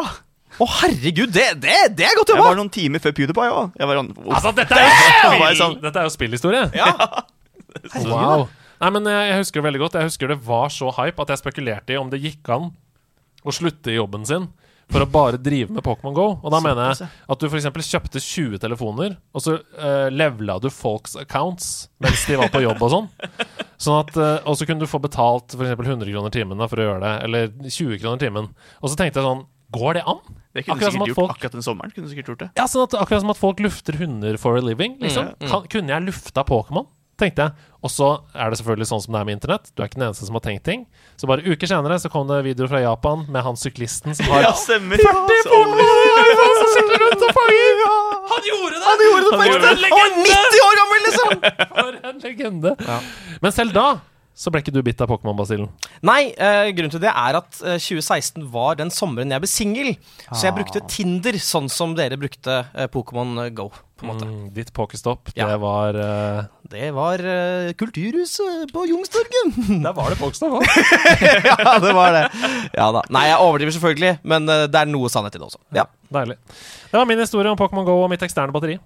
Jeg syns det var kjempebra. Ja, veldig, veldig bra. Veldig, veldig bra. Jeg kan ikke toppe det, Nei. men jeg skal prøve å rocke det. Oh. la oss rocke og rulle som med MC-musene fra Mars. Fordi nå holder jeg først Nå holder jeg opp en bok. Å, jeg ser en pocket. Ja, ja der er en. Den er bløt. Jeg så tittelen nå. Det er ikke noe, det er ikke noe spennende for deg Men- lenger, men- men, for dere andre det er veldig spennende. Fordi jeg sa jo i stad at jeg hadde funnet fram min Nintendo 64 og ah. spilt noen spill. Ah. Og et av de spillene var det første spillet jeg fikk til Nintendo 64 etter Super Mario 64. Ja. Fordi det, det var jo på en måte Det var det spillet du, du måtte jo ha det som første spill. Ja. Så jeg, på en måte, jeg følte på en måte at det du kjøpte etter det, det er egentlig ditt første spill. Ja. Og i mitt tilfelle var det Shadows of the Empire Star Wars. Wow. Og, det i stedet, og jeg holder jo ikke her opp spillet Nei. Shadows of the Empire. Jeg holder opp boka. Fordi Med en sånn veldig deilig gullogo som står ut av coveret, som du kan ta på og kjenne fysisk. Ja, og det står Star Wars, som da er liksom franchisen som uh, Shadows of the Empire er en, en del av. Og uh, tingen er at jeg ble så hekta på det spillet her at uh, jeg gikk og kjøpte boka, fordi dette er faktisk en veldig bra Star Wars-bok. Den er liksom anerkjent som å være en av de bedre eh, Star Wars-bøkene, og det var veldig lenge canon. Da Disney kjøpte det opp, så var det ikke lenge canon, men det var lenge canon. Uh, og det som også er litt gøy med det her, er at dette er en periode i uh, Star Wars som er ganske interessant, fordi selvfølgelig Star Wars-filmene var på 70- og 80-tallet enorme. Helt enormt, liksom. Det var det største som fantes. Og så var det en lengre periode mot slutten av 80-tallet, starten av 90-tallet, da det var liksom nedetid. Det var liksom ikke så mye snakket om. uh, da det var lenge siden filmene kom ut. Og så kom George Lucas med en plan om at nå skal vi relansere disse filmene fordi jeg skal komme med en ny film i 1999. Ikke sant? Phantom of the, nei, mm. uh, Phantom Menace. Stemmer. Så han hadde da som plan at han skulle først Uh, dundre ut Shadows of the Empire på Nintendo 64, få ut boka, så skulle han relansere de gamle filmene, og så skulle uh, den nye filmen komme ut. Eh, og, jeg, og det funka på meg. Det er jo helt tydelig at dette funka. Ja, ja. Fordi jeg kjøpte spillet, og det er et møkkaspill, men jeg elsket det. Det er fantastisk å spille. Men er det dårlig? Det Hvorfor er, er ikke, det det er dårlig? ikke dårlig Altså, det er veldig sånn midt på treet. Det er veldig eh, fem av ti eh, spill. Eh, veldig mange ting som ikke funker, og mye glitches eh, og sånne ting. Men det har noen baner. Det har liksom eksempel The Battle of Hoth fra Empire Strikes Back. Dette isbanen der hvor du har disse svære 80-80-ene. Eh, Som er helt fantastisk. Ehm, så for meg så er det et veldig veldig eh, viktig spill, og det var liksom her min Star Wars-interesse startet. Med dette ganske middelmådige spillet. Vet du hva? Jeg tror jeg har spilt det. Fordi det er det på Nintendo 64, der hvor du må eh, fly eh, sånn Hva heter det? Du må fly et romskip, og så må du ha sånn kabel Ja. som du må ta rundt beina på de På store AT-AT-en. AT-AT-ene. Ja. Og så velter de, ikke sant? Helt riktig. Wow, det var jo Jeg digga det. Ja, fordi den banen er fantastisk, og Ja. den var veldig innflytelsesrik. Og så er etter det så fikk du noen sånne first person shooter-deler som ikke var så veldig bra. For det har aldri spilt. Da, Helge viste meg alltid bare den banen. Ja, og Det som er gøy også, er at uh, de henta inn Shigeru Miyamoto én dag for at man skulle se litt på. Og de angra veldig på det, fordi han, som, han titta litt på de FPS-banene og, og sa liksom jeg, jeg vet ikke helt om Altså Det, det, det er sikkert eh, gøy for folk som liker Star Wars, men eh, dere har en god del jobb å gjøre. Men du spilte der etter at du spilte Mario 64, Ja! og syntes fortsatt det var et bra spill. Ja! Ja. Jeg hadde så lite å, å sammenligne med. Nei. Og jeg hadde omtrent aldri spilt et 3D FPS-spill heller. Sånn, ja. Så eh, veldig kult. Og jeg håper det blir, det blir laget et eller annet annet om Shadows of the Empire, for det er en Ja. veldig kul historie. Men Jeg- så Go, gigi, bo, get up, get up, up, boo, boo, boo, boo. Og etter det så du aldri tilbake på Helt riktig. hva 3D FPS. Det stemmer. Når man har spilt Golden Eye, da spiller man ikke Shadows of the Empire noensinne igjen. Ja, det er nydelig, det. Bare hyggelig. For en fin ha-med-dag. Jeg fikk lyst til å kjøpe den. Det er sommerferielektyre. Ligger på stranda og kose seg. Ja, du kan ligge på stranda og lese om dette. Men er den verdt å lese? Ja, altså, Jeg har ikke lest den eh, siden da, men jeg tok og, og, og, og gjorde litt research, og den er helt der oppe blant de beste eh, Star Wars-bøkene. Wow. Jeg, jeg sitter jo mye Hver kveld før jeg legger meg, så pleier jeg å høre på Star Wars-law på YouTube. Sånne folk som forteller om mye, blant annet det. Shadows Wow. of the Empire. Men har du så dypt forhold til Star Wars? Jeg er veldig veldig glad i Star Wars, så, Det visste jeg ikke. så det er hva jeg pleier å høre på før jeg legger meg. Nydelig. Sånn bare Men må vi slåss om å få låne den av Hasse, da? Du kan få låne den. Ah. Jeg er litt dårlig på å lese. Det er så bra at jeg spør deg om jeg kan få låne den. Det er, kanskje det er meg du skal spørre først, eller? Ja, kanskje det er det? Kan jeg låne den? Ja. Bra. Da sier vi det sånn. Takk for fine ha-med-dager. Eh, neste, hvis du skulle tatt med en ting, hva skulle det vært? Nei, nå, det er litt Det var altså Hadde du sagt at Tenk ut noe du skulle kunne tatt med deg. Favoritt-tyggis? Favoritttyggis? Det er, jeg, jeg veit ikke det heller. Ju juicy fruit? Ja, ja, den er god, den. Kjør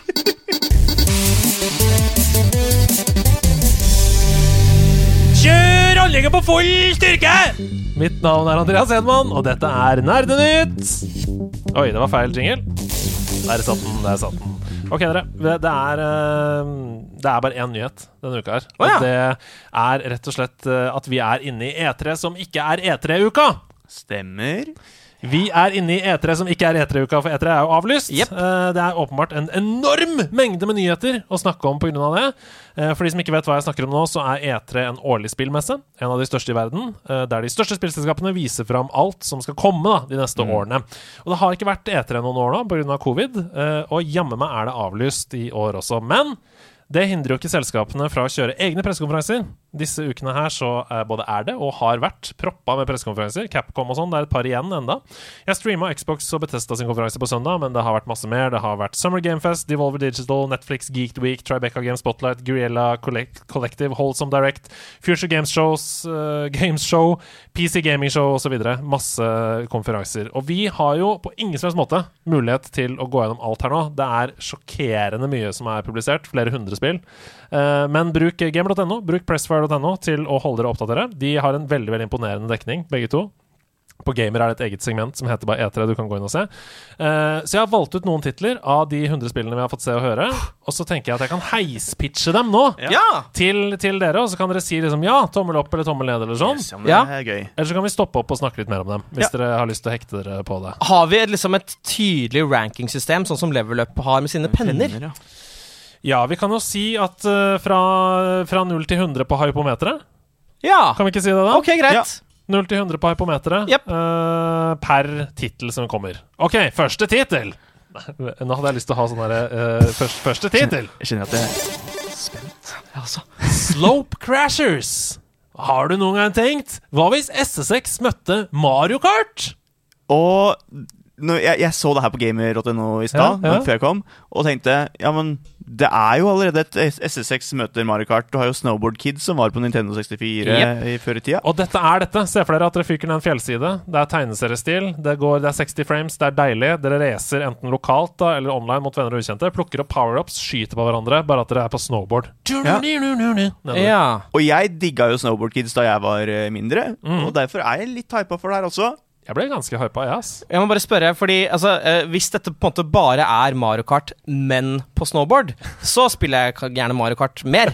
Eh, hvis det i tillegg er som i SXX, at du kan gjøre kule triks og få poeng for det, da har du meg om bord. Jeg tviler på okay. om du kan det. Det, Det så står ut som at man kunne gjøre noen småtriks, men man er jo forskjellige dyr. ja. Ja, og det det er sånn, Du kan f.eks. være en eh, høne som eh, står på en uh, Stekepanne. stekepanne Ja, istedenfor å stå på et snowboard Ja, nedover. Og det er ikke sånn tegnefilmaktige dyr, de er, det er dyr. Ja, Det Ja. ser ut som et, en ekte høne, liksom. Ja. Ja. Men jeg synes det, det som er kult med det, er at det, det, det får den samme viben som andre sånne Twitch-spill som er gøy. Altså Ja. Marbles, for eksempel. Ja, ja, Jeg ja. ser for meg at det kan være kaos, og at man er mange, og så streamer man det, og så er det dritgøy og mye latter og sånn. At Mm. man blir jo, Du blir dunka ut av banen og sånn.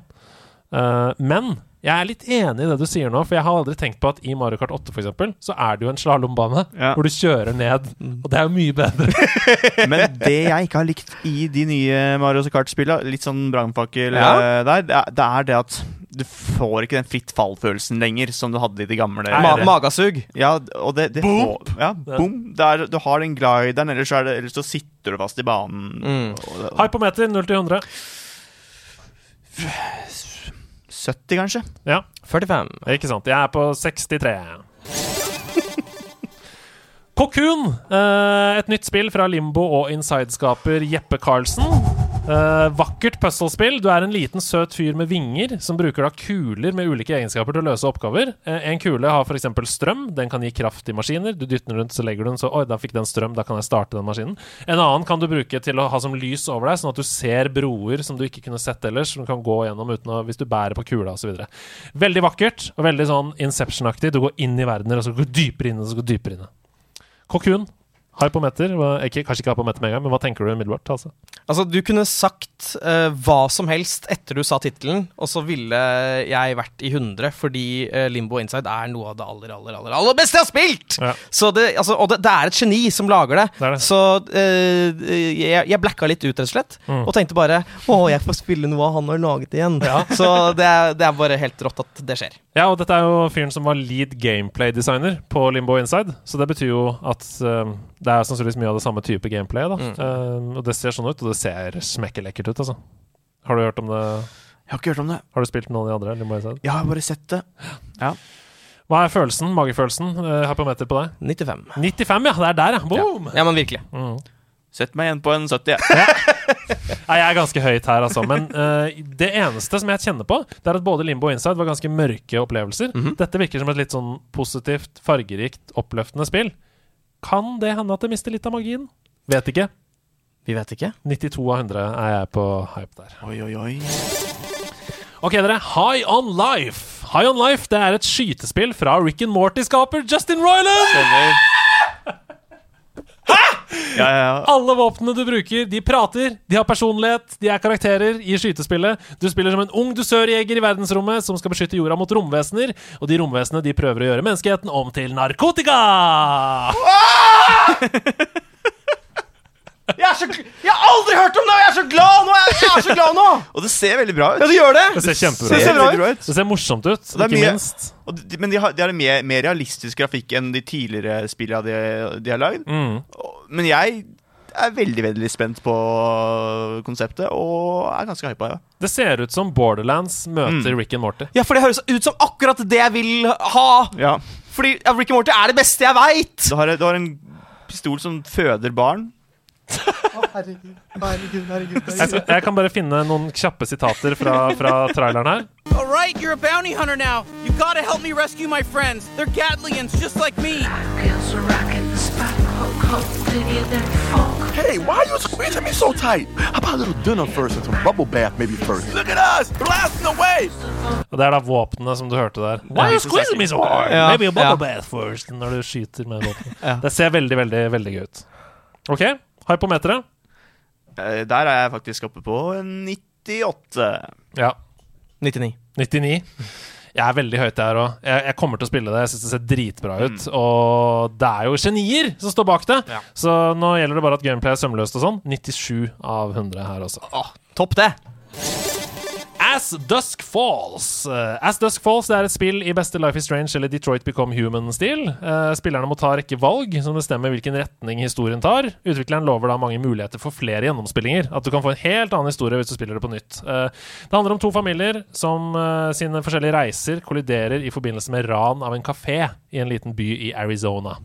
Interessant. Man kan spille alene. Eller man kan spille i grupper på opptil åtte spillere, der man tar valgene sammen. Enten foran samme skjerm eller på nett, sånn at man stemmer da på hvilket valg man skal ta. Skal man drepe, skal du leve, skal du gå videre, uh, osv. Veldig interessant stil. Uh, er som en slags visual novel, der hvor tegningene står stille. Og så i neste frame så snur det seg, og så er det stille i den tegningen. Så det ser ut som en slags gammel film, på en måte. Det er vanskelig å forklare. Ja, As Dusk Falls. Å, det var, det var ut ifra den lille forklaringen der. Spennende. Ja. Men jeg setter meg på 70 der, altså. Ja, det er jo et uh, spill som tar noen uh, sjanser, Mm. Uh, men samtidig en sjanger som ikke er så actionfylt og som det vi snakket om. Ja, men jeg, altså, jeg elsker jo raning av kafeer, så jeg, allerede der så blir jo jeg ganske gira. Ja. Eh, men så er det sånn, sånn flervalggreier. Elsker det, og aldri gjort det sammen med mennesker. Så hvis jeg liksom kan være i en gjeng der vi kan spille sammen, så får det en 83 av meg. Ja, jeg ligger på 80 av 100 selv. Jeg er veldig spent. Tror det går bra. Ok. Det går mye om vampyrer om dagen. Lurer på hvorfor eh, det går mye om vampyrer om dagen. Hvorfor det? Nei, for det har vært eh, Vampire Weekend. Var det, nei, det var helgen. Nei. Faen, Andreas! Jævel, altså. Ok, eh, Redfall. Uh, Redfall er det Borderlands-aktige vampyrskytespillet til Arcane Studios. Ja, der hvor man sammen med venner kan slakte ned vampyrer, mens man styrer ulike helter med Mm. ulike egenskaper. Gamer.no de skriver et par hagleskudd i trynet, et fullt av en sølvkniv i hjertet. Det ser ut til å ordne biffen, det. Har dere sett noe fra Redfall? Jeg lurer på om jeg så det. Jeg tenkte litt uh, Left for Dead-feeling Ja, over det. helt riktig. Stemmer. Da, Mm. da husker jeg riktig. Ja. Ja. Det er eh, for meg litt for bland hittil. Altså, det virker litt for uh, generisk. Eh, jeg syns ikke f.eks. vampyrene som jeg så i traileren som angrep, hadde noe spesielt Jeg ble ikke noe redd av dem, for det var sånn flate fjes og Det, det føltes litt for 'em up, og ikke så Last of Us, hvis du skjønner hva jeg mener. Mhm. Men jeg er alltid glad i et spill hvor jeg kan samarbeide med en kompis og bare Ja. skyte Bare ikke tenke, bare skyte. For det er selling point der. Det er det det er, liksom. Det er det det er. Mm. Du, jeg, tror ikke, jeg tror det er veldig mye kjedeligere å spille alene. Ja. Mm. Nei, det skal mye jeg, jeg bare eh, Man har fått med seg Det, har- det har vært så mye vampyrgreier. Jeg vet ikke hvorfor, Sikkert fordi det har vært helgen nylig. Um, men uh, det skal noe til at jeg skal bli skikkelig gira på det igjen. Og som du sier, det er litt generisk, den animasjonen. Så jeg hopper uti med en eh, 69. Ja, jeg er litt lavere enn det, til og med. Jeg tror faktisk ikke jeg kommer til å spille det, med mindre det blir veldig godt anmeldt. Så 60 av 100 her. Ja, nei. Sett, meg igjen på en, eh, på en 70 her også. Oi! Må liksom se litt hvor det Er det vel like? Det er bra. Det er bra. Hvor det går. The Lord of the Rings, Return to Moria.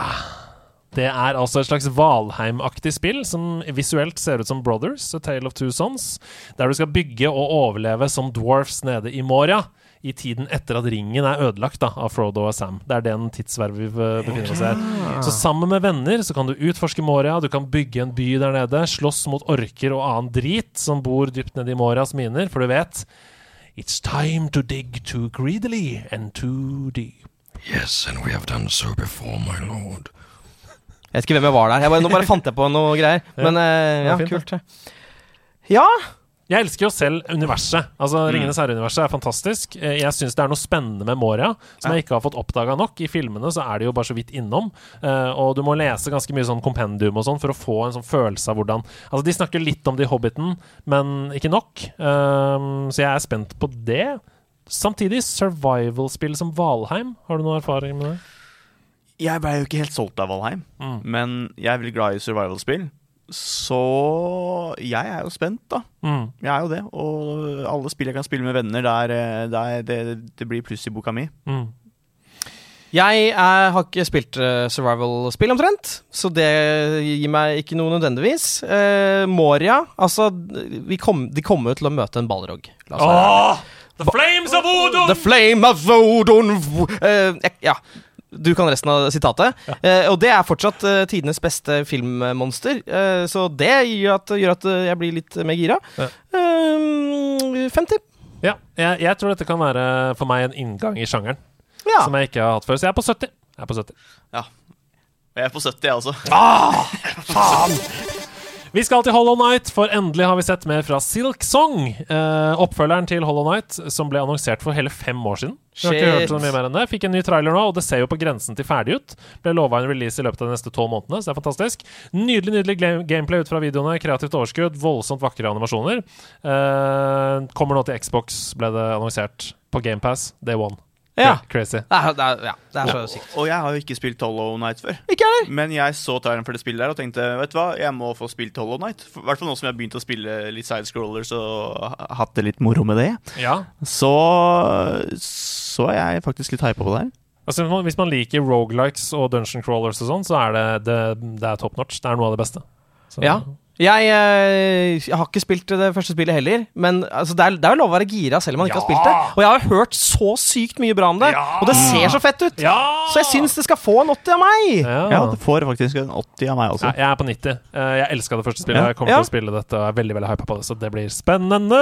Hadde sikkert fått en 90 hadde jeg også spilt det forrige. Vi skal til Forsa Motorsport, og de gjør som så mange andre spill har gjort før dem. Dropper tallet i tittelen når det kommer opp et visst antall utgivelser. så i stedet for Forsa Motorsport 8, så får vi nå bare Forsa Motorsport, som er Xbox sitt bilsimulatorsvar på Gran Turismo. Det ser flott ut, det høres enda bedre ut, og de kaller det selv det mest teknisk avanserte bilspillet noensinne. Ja. Skal ikke alle nye bilspill være det per definisjon? Fordi Det er det nest mest maskinkraften er større. Altså. Men, Det er veldig godt poeng. Men var det det som Bunnen hadde faller ut av argumentet.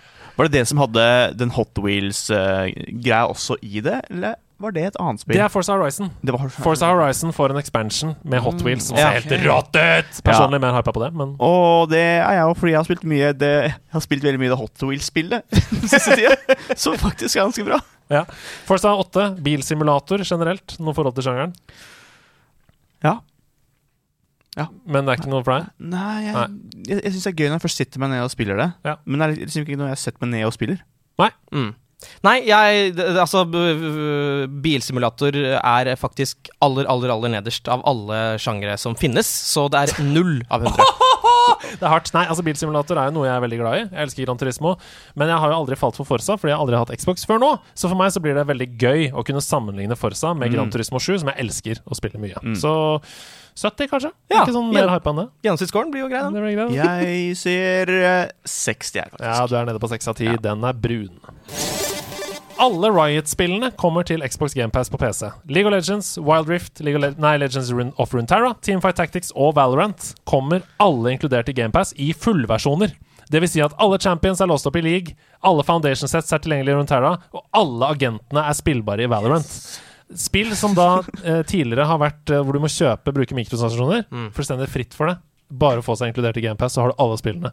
Og er det noe GamePass har mangla, så er det jo det competitive elementet. Yes. Not anymore.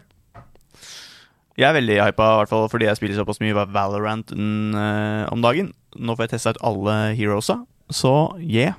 Mm. Jeg tror eh, jeg egentlig er en fyr som ville elsket Valorant, og nå har jeg en kjempegod grunn til å spille det. Og jeg får spille med alle eh, karakterene, så jeg ble plutselig litt gira på det. Uten å bruke en kløyve av mynt. Uten, en kløyve mynt skal ikke jeg bruke! 70! 70? Ja, nei, sjøl. Jeg kommer til å teste Valorant pga. det, så 70 sjøl. Ja, 80 blir det da. Ah, 80 bro. 80 Minecraft Legends. Det er et tredjepersons action-strategispill. Ligner på Pikmin. Eh, Du må bygge baser, du må kontrollere tropper og slåss mot fiender. Og så er det sånn selvshada grafikk, som Mm. gjør meg fysen på eventyr når jeg ser det. Eh, En, en ny IP i Minecraft-universet. Jeg fikk litt sånn Brutal Legends-vibes når jeg så det. Oi, det er interessant. Ja. Ja. Men jeg, jeg, jeg skjønte ikke helt hvordan uh, battlesystemet fungerte. Nei, det er jo actionstrategi, Ja. så det er jo litt Det høres ut som XCOM, egentlig. Ja. Eh, eller Pikmin, da. Hvor du må liksom Du må kaste ut troops for å gjøre ting forskjellige Ja. steder. Sånn. Den type mekanikk elsker jeg, så det at du sa XCOM nå, gjorde at jeg gikk fra å skulle gi det null. Uh, på en måte Og nå ble jeg litt gira. Jeg er Ja. ikke en Minecrafter, men ja. sånne typer spill elsker jeg. Mm. Så er ja, lang, det er langt ifra Minecraft. Ja, det ligner, nok, Ja. det ligner nok mer på uh, Mario Rabbids ikke sant? Kingdom Battle. Ja, men er det sånn der, da? Da må jeg se på den Bare ut, altså oppfølgeren, da. Den, Ja. den nye Mario Rabbids, det Ja. har jo ikke rutenett. Stemmer. Ikke sant? Så det, jeg tror det er sånn. Ja. At det er strategi på den måten i action. Ja. 59, og det skal være ganske fornøyd med. Ja. Her eh, gir jeg faktisk en 75. Ja, jeg er nede på 50, altså. Jeg ble ikke så veldig gira av det. Eh, men jeg liker jo at de prøver nye ting med Minecraft. Det liker jeg. Vi har fortsatt et par tre, fire, fem spill igjen her. Eh, Diablo 4. Diablo-spill, altså i en helt åpen verden. 150 dungeons. Hovedoppgaven er å ta over fiendeområder, eller såkalte strongholds, som det heter, og omvende dem da, til å spille på ditt lag. Rundt i spillet så dukker det opp tilfeldige quests. Enorme bosser som krever at du teamer opp med en rekke andre spillere for å få de ned. Full cross-plattformspilling. Lokal coop. Det er egne PVP-områder. Et saftig endgame. Der det skal være nye dungeons og nye gjenstander å låse opp. Og spillet skal ifølge Blizzard støttes i årevis med nytt Mm. innhold. Eh, og er, takk Gud, et fullprisspill. Ja, Diablo 4. Uh, any Diablo-fans in, the- in the crowd? I loves me some of that Diablo shit, man. Jeg spilte dritten ut av både Diablo 2 og 3, Ja. og når det har blitt eh, lansert på nytt, så har jeg alltid spilt det igjen. Eh, så jeg blir jo uh, selvfølgelig ganske gira. Også da spennende å se hvordan blir det nå når Blizzard skal gi ut et svært spill? Er de påvirket av uh, alt som har skjedd i det siste? Har du, har du, er det noen flinke folk som har forlatt skuta som gjør at det blir dårligere? Det, jeg syns det blir spennende. Eh, og så har jeg jo også da liksom litt i bakhodet sånn Å, jeg syns ikke det er så fett å kjøpe spill fra det selskapet, men Nei. det er vanskelig. Men jeg vil jo støtte de som har laget det, men jeg vil ikke støtte sjefene, osv. Jeg. Nei, jeg hadde jo tenkt til å begynne å spille Diablo 3 en gang i tida. Uh, og da var det noen som sa ja, men ikke, ikke begynn med det nå, Fordi nå er det ikke så lenge før uh, fireren kommer. Uh, noen år siden så skjedde det her. Uh, og så var jeg sånn Ok, men da skal jeg ikke begynne med det nå. Og så kom det jo aldri noe firer. Men nå har det blitt på en måte tisa, og da tenker jeg jeg er hypa nå, fordi jeg, tenkt, jeg var hypa for å starte med treeren for mange år siden, men har blitt holdt igjen fra det. Ja, jeg, altså jeg har aldri hatt noe forhold til Diablo-spill, og det er veldig rart med tanke på at jeg elsker loot, jeg elsker den type mekanikker. Eh, og da jeg så Diablo 4 nå, jeg var jo veldig veldig redd fordi Diablo Immortal har kommet, og det er en bøtte med drit som eh, eh, koster eh, Hva var det det sto? 10 millioner eller noe sånt? Og 1 million kroner. Nei, 1 million dollar! å få den eh, største heroen full av all specs. 1 million dollar koster det. Eller ti år med kontinuerlig spilling. Det mobilspillet Diablo Immortal. Eh, og jeg hater det. Jeg syns det er forferdelig. Jeg syns det lurer folk, og jeg syns det burde forbys. På, det er allerede forbudt i Belgia og Nederland, og bør forbys i Norge også. Eh, men Diablo 4 Uh, Jeg tror at Immortal skal være pengemaskinen Mm. som skal gjøre at folk blir spillavhengige, som skal gjøre at de bruker opp alle pengene sine og blir fattige, mens Diablo 4 skal forhåpentligvis være fri for de tingene. Eh, så jeg ble ganske hypa da jeg så det. Jeg syns det ser veldig kult ut. Jeg har lyst til å spille det med venner. Jeg har lyst til å få bedre gear. Jeg har lyst til å level up. Jeg har lyst til å gjøre de tingene. Det er den samme hypen som Elden Ring Mm. for, meg. Mm. Altså Samme mekanikkene som gjør at jeg drives videre i det spillet. Ja. Jeg ble ganske gira. Let's a go! Hva er hypometeret? Hypometer for min del er oppimot en 90 der. Ja, tett på 90. 88. Å, tett på 90. Mm. 87. Tett på 90. Tett på 90. Vi skal videre til et annet spill. Som derimot nå er bekreftet som et fuckings free to play-spill. Nei! Det er Ja, da- Overwatch da ble jeg- 2. Det er Overwatch 2. Og vi, vi vet jo ikke om det bare er PVP-delen som skal være free to play, eh, men det kan virke sånn. De slapp en ny trailer som, helt ærlig, jeg begynte å gråte av. For jeg syns den var så fin. Jeg eh, så tilbake på 1000 timer i Overwatch 1 og fikk se alle karakterene jeg elsker, se til meg, se midt på meg og takke meg. Og det var en nostalgisk følelse, og musikken bygde seg opp og ble mer og mer fantastisk. Og det var utrolig rørende for meg. Inntil det sto 'Free to play' over hele skjermen. Eh, den ga jeg oss ikke noe særlig mer kjøtt på beina den traileren enn en ny hero. Altså Junker Queen kommer. Eh, det er jo gøy for deg. Ja, det er gøy. Jeg syns det er gøy. Junker Queen. Junker Queen. Ja. Og en releasedato, da, faktisk. 4. oktober. Hva tenker vi? Nei, altså jeg, For det første så har jeg ikke sett traileren, fordi jeg fikk den på mobilen min. Jeg, hadde lyst, jeg, jeg har tenkt å se den på min store TV. Gjør det. Med liksom full lyd og alt det der. Jeg, har lyst til å ha, jeg kommer til å ha den samme opplevelsen som deg. Fordi dette er et spill som har definert de siste seks årene av livet mitt. Sånn virkelig, Det er det som har vært limet i alt jeg har spilt. Det føltes som familie da jeg så den på skjermen. Det var Mm. helt sykt, ass. Det var som en sånn uh, Jeg er ikke klar for å forlate det universet. Nei, ikke jeg heller. I, det, hele tatt. Nei. Og så har det vært en slags sånn frihavn også for meg, og de har aldri krevd noe mer penger av deg. De har bare fortsatt å komme med eh, nye helter og nye baner. Litt sjelden kanskje, men likevel. Uh, og da gjør det litt vondt at, at eh, det, deler av det skal være free to play, men jeg selvfølgelig er jeg kjempe, kjempe, kjempegira. Ja. Ja. Jeg er jo veldig, veldig gira sjøl. Men uh, som sagt, når, når Free to Play sto på skjermen, så ble jeg litt sånn ah, Hva betyr det? Ja. Uh, og det er, der, det er der jeg ligger litt. At uh, hva betyr Mm. Free to Play Ja, for for det er det. Det vet vi ikke. Eh, problemet for min del da, Det er at de kunne sagt hva som helst i den traileren. De kunne sagt If you are a Nazi, you're gonna love this game. Jeg hadde fortsatt vært 100 av 100 på hypemeteret. Fordi det er irrasjonelt. Mitt forhold til Overwatch er irrasjonelt. Det er for sterkt, liksom. Det er som Stian i, i World of Warcraft.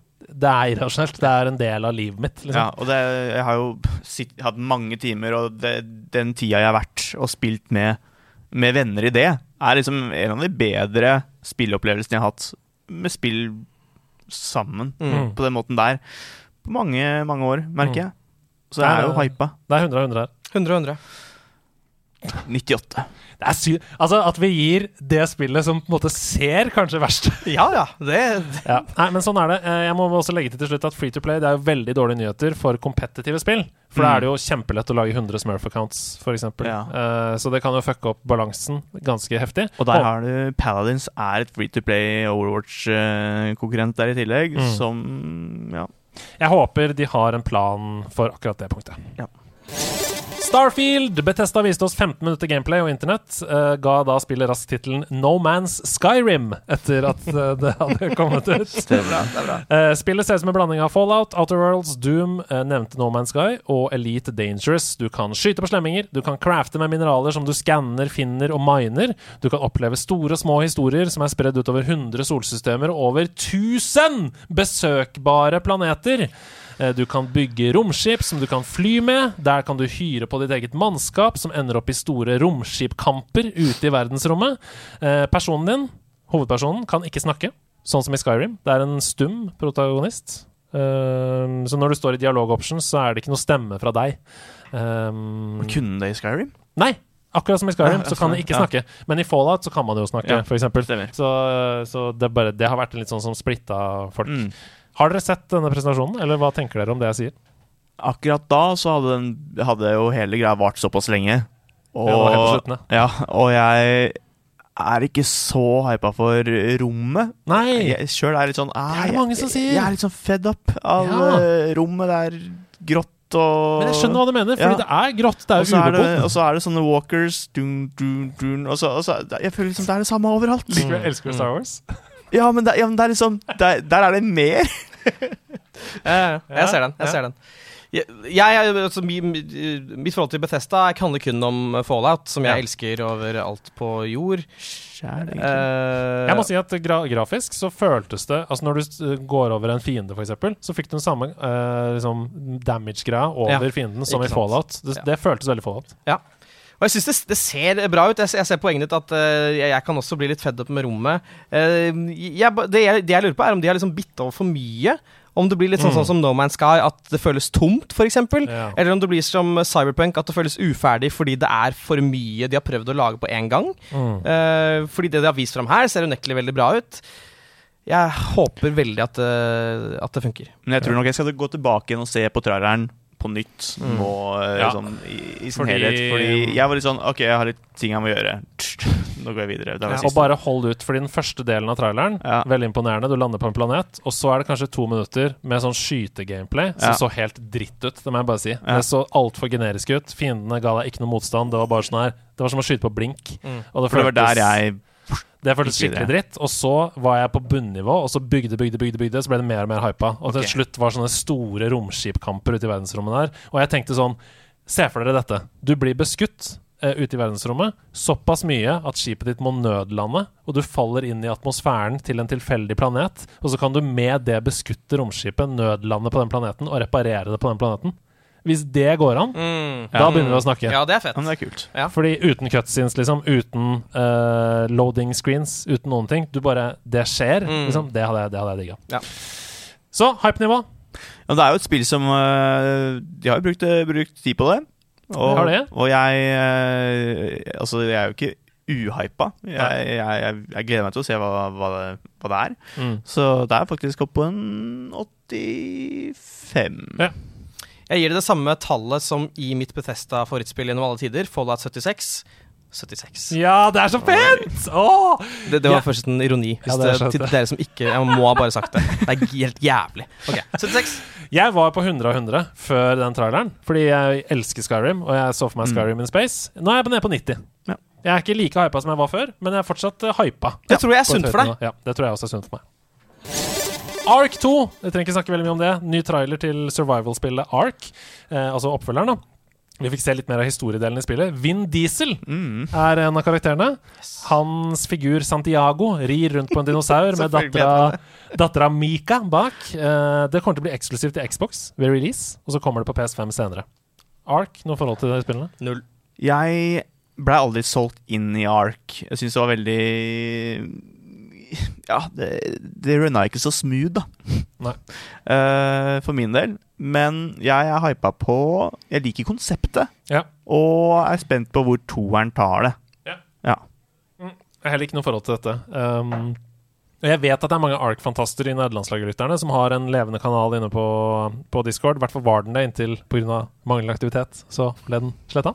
Men jeg vet at det er mange som er glad i det spillet. Uh, Jeg har hele tiden fått sånn Kan ikke du spille Ark? Du må teste det. Jeg har ikke spilt det, uh, og er heller ikke noe hypa for oppfølgeren, dessverre. Nei. Så 20 er min uh, på Mm. Ark 2. Eneste forholdet jeg har til det, er at det alltid har vært gratis, føler jeg. De liksom begynte å gi det ut gratis etter en uke. Du får 15. Eh, Jeg legger meg på en 50, jeg. Okay, jeg, jeg, jeg er villig til å gi det en sjanse Ja, til når toeren kommer. Pentiment! Pentiment det er et dialogdrevet historieeventyrspill fra Obsidian. Oh, okay, Obsidian Fallout New Obsidian. Vegas much, eller? Ja, jeg liker det.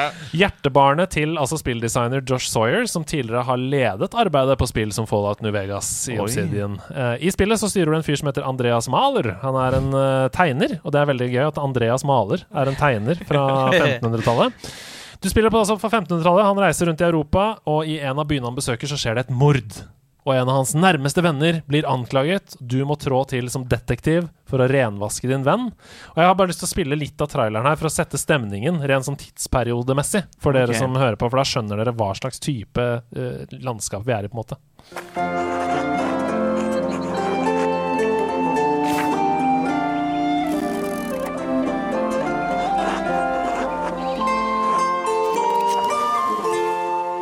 Nei, Det er veldig sånn fint animert. Du kan se det her. Uh, Hasse viser PC-en der, til, til Kattekrypt nå. Uh, du går fra scene til scene, uh, dialogdrevet og løser ting og tar valg osv.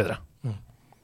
Altså, fordi det er Obsidian, og fordi det er vår venn Josh Sawyer, Mm. så kan vi jo forvente veldig god humor, mm. levende karakterer og en kul historie. Mm. Jeg syns det ser dritkult ut. Eh, veldig gøy at det liksom tar tak i sånn måten man tegnet på eh, liksom på 1200-tallet. Som er sånn helt uten eh, det er, Alt er veldig flatt. Det er ikke så mye perspektiv, men det er en veldig sånn kul måte å lage et spill ut ifra. Og som du sier, det er en fyr som eh, kan det å lage eh, morsom dialog. Jeg er ganske gira. Ja.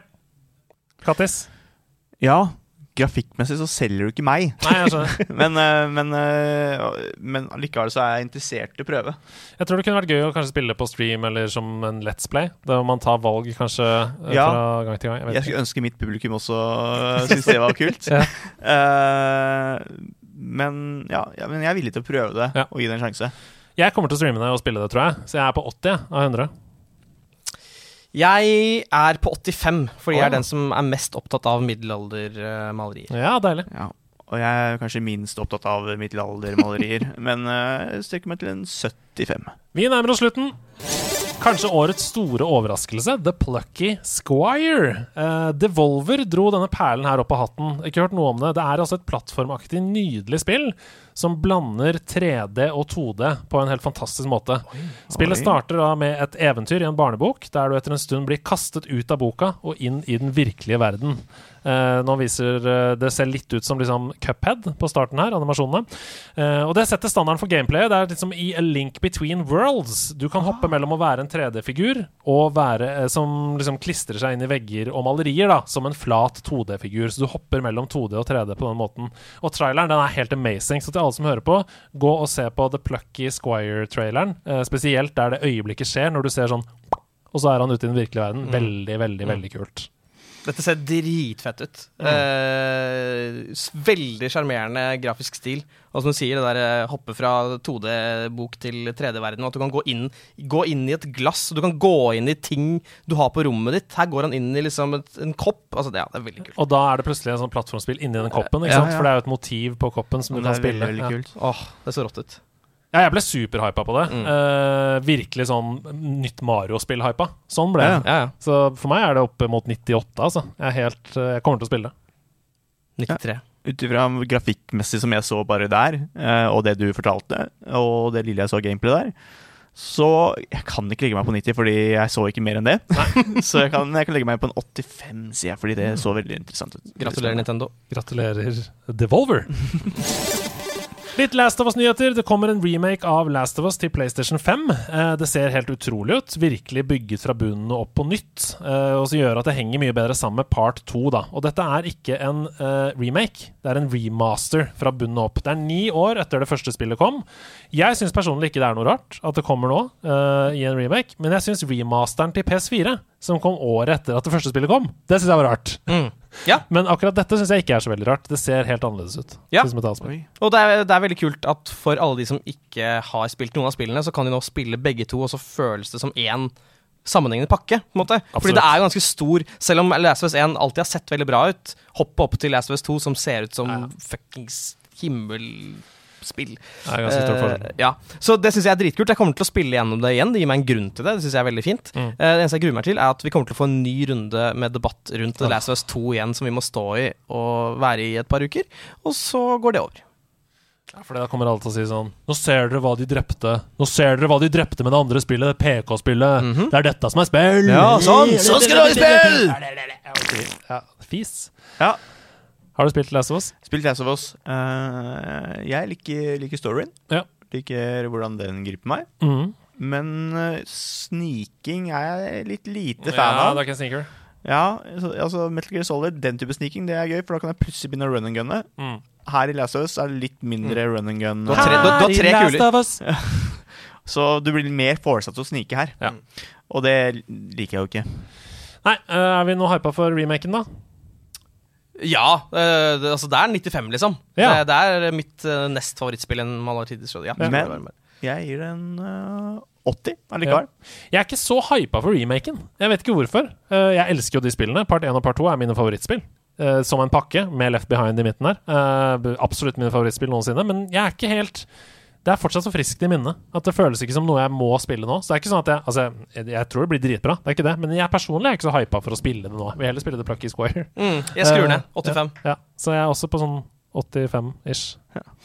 Så fikk vi også noen nyheter fra multiplayeren til Last of Us Part 2. De har store ambisjoner for den. eh, Så store ambisjoner for den at de har valgt å følge noen nye ideer som har oppstått. Spillet blir større enn noen av de andre spillene i serien hittil. Multiplayer-delen til The Last of Us Part 2, altså.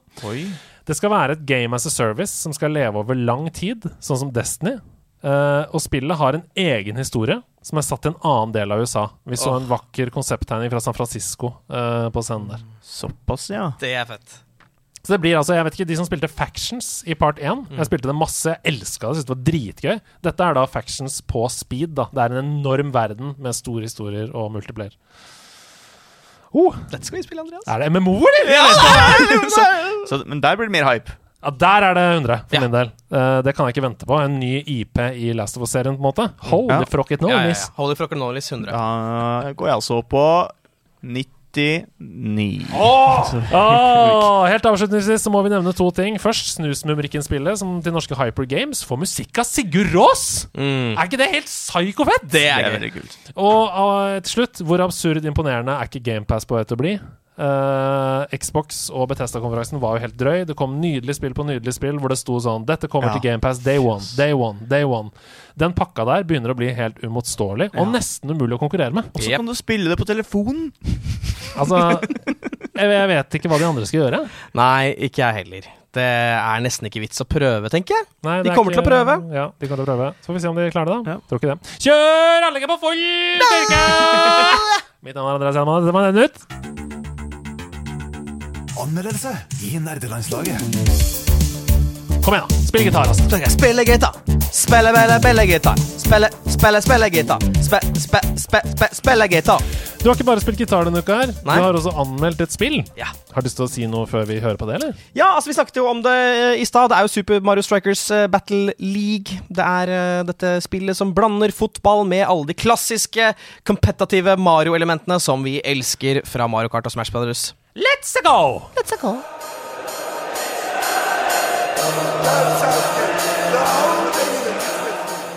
Football. The beautiful game. The game invented by Brits and perfected by Brazilians. Fyttegrisen. Fotball er the shit, mann! Grunnene til at fotball er så stort, kan være mange. Men jeg tror at noe av forklaringen ligger i spillets enkelhet. Det krever ikke så mye å lære seg reglene. Og ja da, en av tidenes eldste vitser er at Å, offside-regelen er Det var vanskelig, du. Ja, offside-regelen er vanskelig, men vet du hva? Den slags humor det nekter jeg å ha her. Jeg skal ikke ha humor på at offside-regelen er vanskelig. Det, det hører hjemme i en sketsj fra 1982. Dizzie Tunes.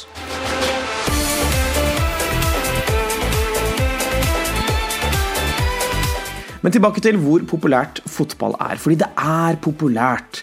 Og da er det jo ekstra dritt om man ikke liker den sporten. Fordi det til tider kan virke som om alt handler om fotball. Men hva skal da stakkarene gjøre som ikke kan forskjellen på Roberto Baggio og Veronica Maggio? Den er, fornøyd, den er jeg fornøyd med. Ja, nei, men Hva skal de, de folka gjøre når, når gjengen samles, og det skal spilles dataspill, og så er alt folk vil spille Fifa 18? Ikke sant? Fordi de har eh, De har ikke tatt seg råd til å, kjøpe Fifa 19 og 20 osv. Folkens, det er mulig at Nintendo fra Japan har løsningen til dere. Mario Strikers Battle League, som jeg fra nå av kaller Mario Strikers. Okay? Mario Strikers det er Nintendos tredje forsøk på å lage et fotballaktig spill som skal kunne funke for hele familien, og som du ikke må like fotball for å sette pris på. Første gang var i 2005, eh, gitt ut til en konsoll som ble kalt for Game Cubes. Og da het spillet Mario Smash Football. Og spillet ble ganske godt mottatt. Faktisk var det det nest best anmeldte spillet på GameCube i hele 2005. Det er sjukt. Ok? Og sånn salgsmessig så solgte spillet eh, helt greit, men vi må ikke glemme at GameCube aldri ble noen salgssuksess, fordi konkurrenten var fuckings PlayStation 2. Tidenes mestselgende konsoll. By far. Den er grei. Johan er golden. PlayStation 2 er din konkurrent, og du heter GameCube. Eh, ja vel? Hva med å bare gi opp hele spillgreia med det første? Ja, ok. Uansett, Nintendo de prøvde igjen eh, med denne fotballserien sin i 2007 på Wii, og så funka det ganske greit der også. Det var bra spill. Men tydeligvis så gikk det ikke så bra at de gadd å lage noe mer. Før nå.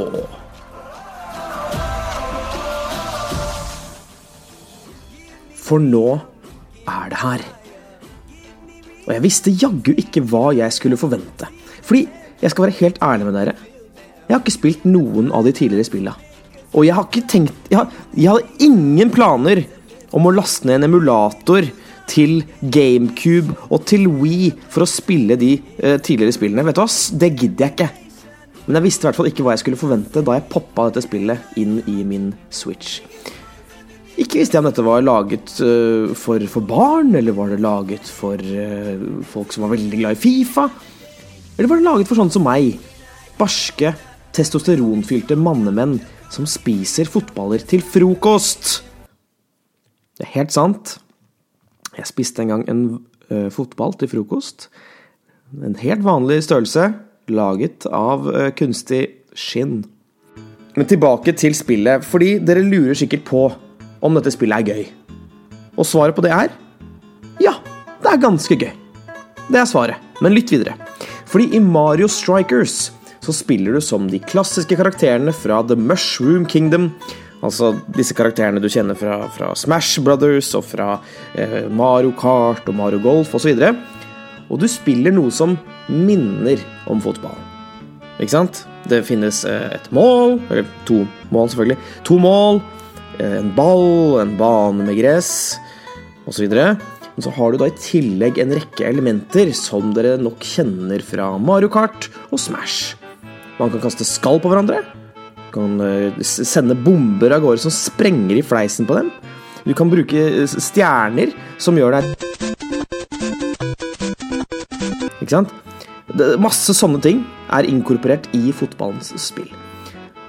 Og I tillegg så har du klassiske fotballting som pasninger, høypasninger, gjennombudspasninger, brassespark, lobber og ikke minst charga skudd, der du holder inne en knapp for å skyte superhardt. Og det føles bra! Det føles bra å sky, skyte hardt. Det er, det er gøyere å skyte hardt enn å skyte øh, mykt. Men aller råest, det er å bruke spesialangrep. Fordi alle spillerne har et spesialangrep Sorry. Alle spillerne har et spesialangrep. Sorry at jeg sa det feil først. Alle har det, og det er litt sånn som eh, i f.eks. for eksempel eh, i Street Fighter eller Marvel vs. Capcom. eh? Der du lader opp en sånn eh, greie, ikke sant? Og så, og så kommer det sånn sykt fet animasjon, sånn anime-animasjon. Litt sånn, da. Så det er jo gøy, da. Ikke sant? Det er jo gøy. Det er, det er, litt, det er litt som Fifa Street. Hvis dere har spilt det, Fifa Street, der det liksom er litt mindre sånn Det er ikke så farlig, det er litt tagging i bakgrunnen, og er, du kan gjøre litt morsomme ting, og det er ikke så veldig alvorlig. Det er litt sånn, bare enda mer køddent. Og ja, som jeg nevnte i stad, det var litt spoiler, men som jeg sa i stad, så er det gøy. Det er gøy. Særlig hvis man har noen kamper under beltet. Fordi tingen er at dette er et overraskende dypt spill. For hvis du legger inn nok timer her, så kan du bli dritgod. Dritgod, ok? Og vi kommer til å se e-sportlag som dannes eh, i, dette spillet, det er jeg helt sikker på. Nå har jeg spilt dette spillet i uh, ca. åtte timer, og jeg føler fortsatt ikke at eh, mine reaksjonsevner er i nærheten av gode nok til å ta de mest hardbarka motstandere. Men hvordan vil det da bli for de aller minste? For, barn, for barna våre. De bitte små søte barna våre som, som bare vil spille et lite spill med Mario. Nei, altså, altså, jeg lurer på, vil vi kanskje få en generasjon barn med røde ringer rundt øynene, kroniske røde ringer rundt øynene, fordi de har tørket bort tårer fra øynene etter de ble most av en 16 år gammel Fifa-legende som bor på motsatt side av kloden, f.eks. i New Zealand. Det er godt mulig, fordi det er ikke lett å bli god i dette spillet. Man lærer seg fort uh, de grunnleggende greiene, men det er Altså, jeg kødder ikke. Det er noen ganger at, eh, at folk charger meg mens jeg har ballen. ikke sant? De dytter, de sparker meg i trynet, og jeg har ikke sjans til å rekke å dodge fordi reaksjonsevnene mine ikke er det. Så jeg må bare fortsette å tweake mine, mine skills, og det det, det er jeg villig til å gjøre. Såpass gøy er det nemlig. Så er det scoren, da. Kjære Nintendo, jeg Dere må rett og slett bare finne dere i at sånn som det er akkurat nå, så blir scoren 72 av 100. Men som brura sa, den kan finne på å vokse. altså scoren. Scoren kan finne på å vokse, eh, sa brura. Nei, det funker ikke helt. Det funker ikke helt med Sabrura der, men det som funker derimot, det er å spille Super Mario Strikers Battle League. Så det kan dere godt gjøre. Dere må ikke, men dere kan godt gjøre det. Det er ganske gøy. Ok, ha det.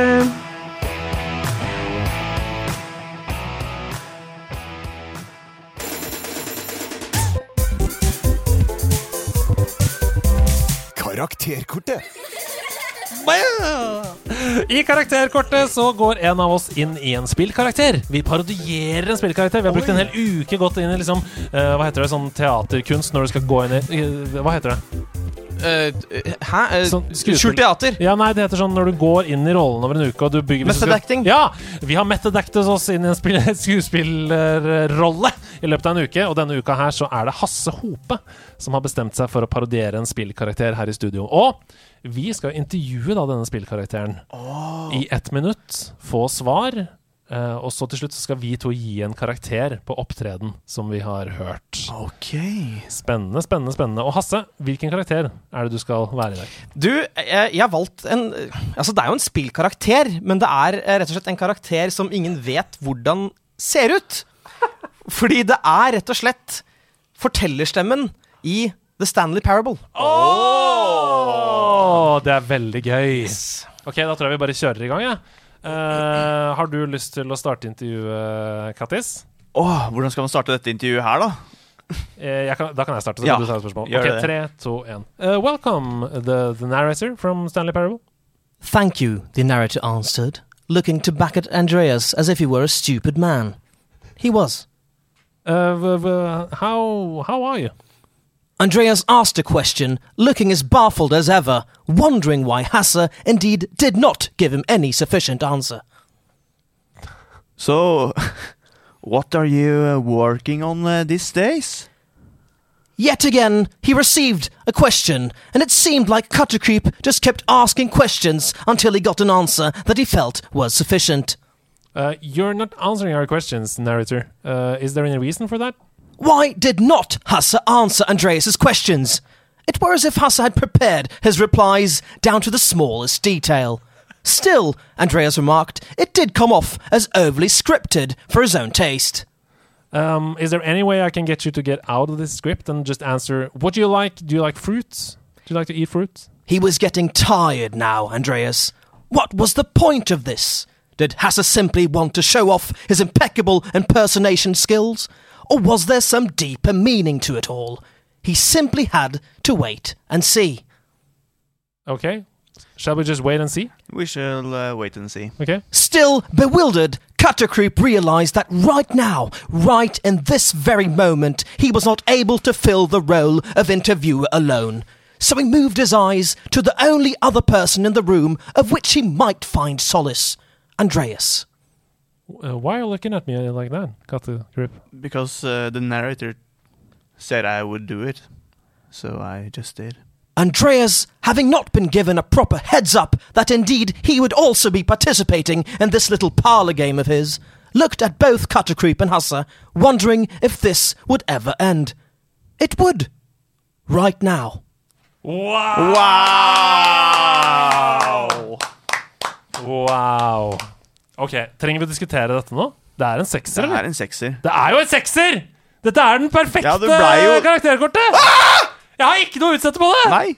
Det vi, vi, vi blei jo Vi blei jo Altså, det, det, Jeg fikk helt følelsen at det var deg som var narratoren. Det var gripende, Og jeg- jeg- det var en perfekt parodi, det var mindfuck. Jeg ble Plutselig var, satt i Stanley sin situasjon. plutselig var vi en del av intervjuet. Vi ble intervjua! Ja. Vi så på hverandre, vi connecta.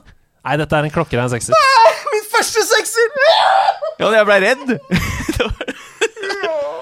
Eh, som læreren prøver å si, du har svart på oppgaven, og vel så det. Gratulerer med sekser på eksamen. Gå ut og ha sommerferie. Nå kan du bare kose deg. Ha det bra! Ha det!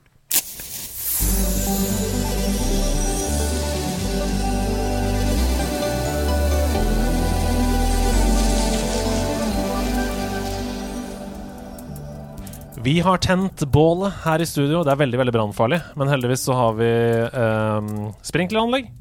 Som gjør at eh, hvis det blir veldig farlig, så kommer det til å slukke. men det er fint. For vi er inne i story mode, der hvor eh, noen av oss har skrevet en fortelling eh, til noe vi har opplevd i spill i Oi. det siste. Og denne uka har Hasse skrevet en fortelling, så da kan vi bare sette oss rundt litt nærmere bålet, for jeg har lyst til å kjenne på den varmen. Og så kan Hasse få fortelle sin historie mens eh, vi hører lyden av bålknitring. Gjør det. Tusen takk. I dag skal det handle om det å ha en identitet som gamer. Fordi det å ha en identitet som gamer, det kan bety mye. Det kan bety at man eh, fokuserer på en viss sjanger. Kanskje man spiller mye sportsspill. Kanskje man er en FPS-gamer. Eller kanskje man er sånn ja, jeg, jeg spiller bare strategi. Det er min greie. Ja, det er min identitet. Ikke sant? Vi har alle forskjellige identiteter eh, som gamere. Det kan handle om hvor mye man spiller. Kanskje det er din identitet. Jeg spiller bare en, gang, en time i uka, jeg. Det er det jeg gjør. Eller nei, jeg, altså, jeg må bruke 150 timer når jeg setter meg ned med et spill. Sånn er jeg. Eller det kan handle om hva man spiller på. Ikke sant? Det kan handle om er du en Xboxer, er du en PlayStationer, er du PC, Master Race?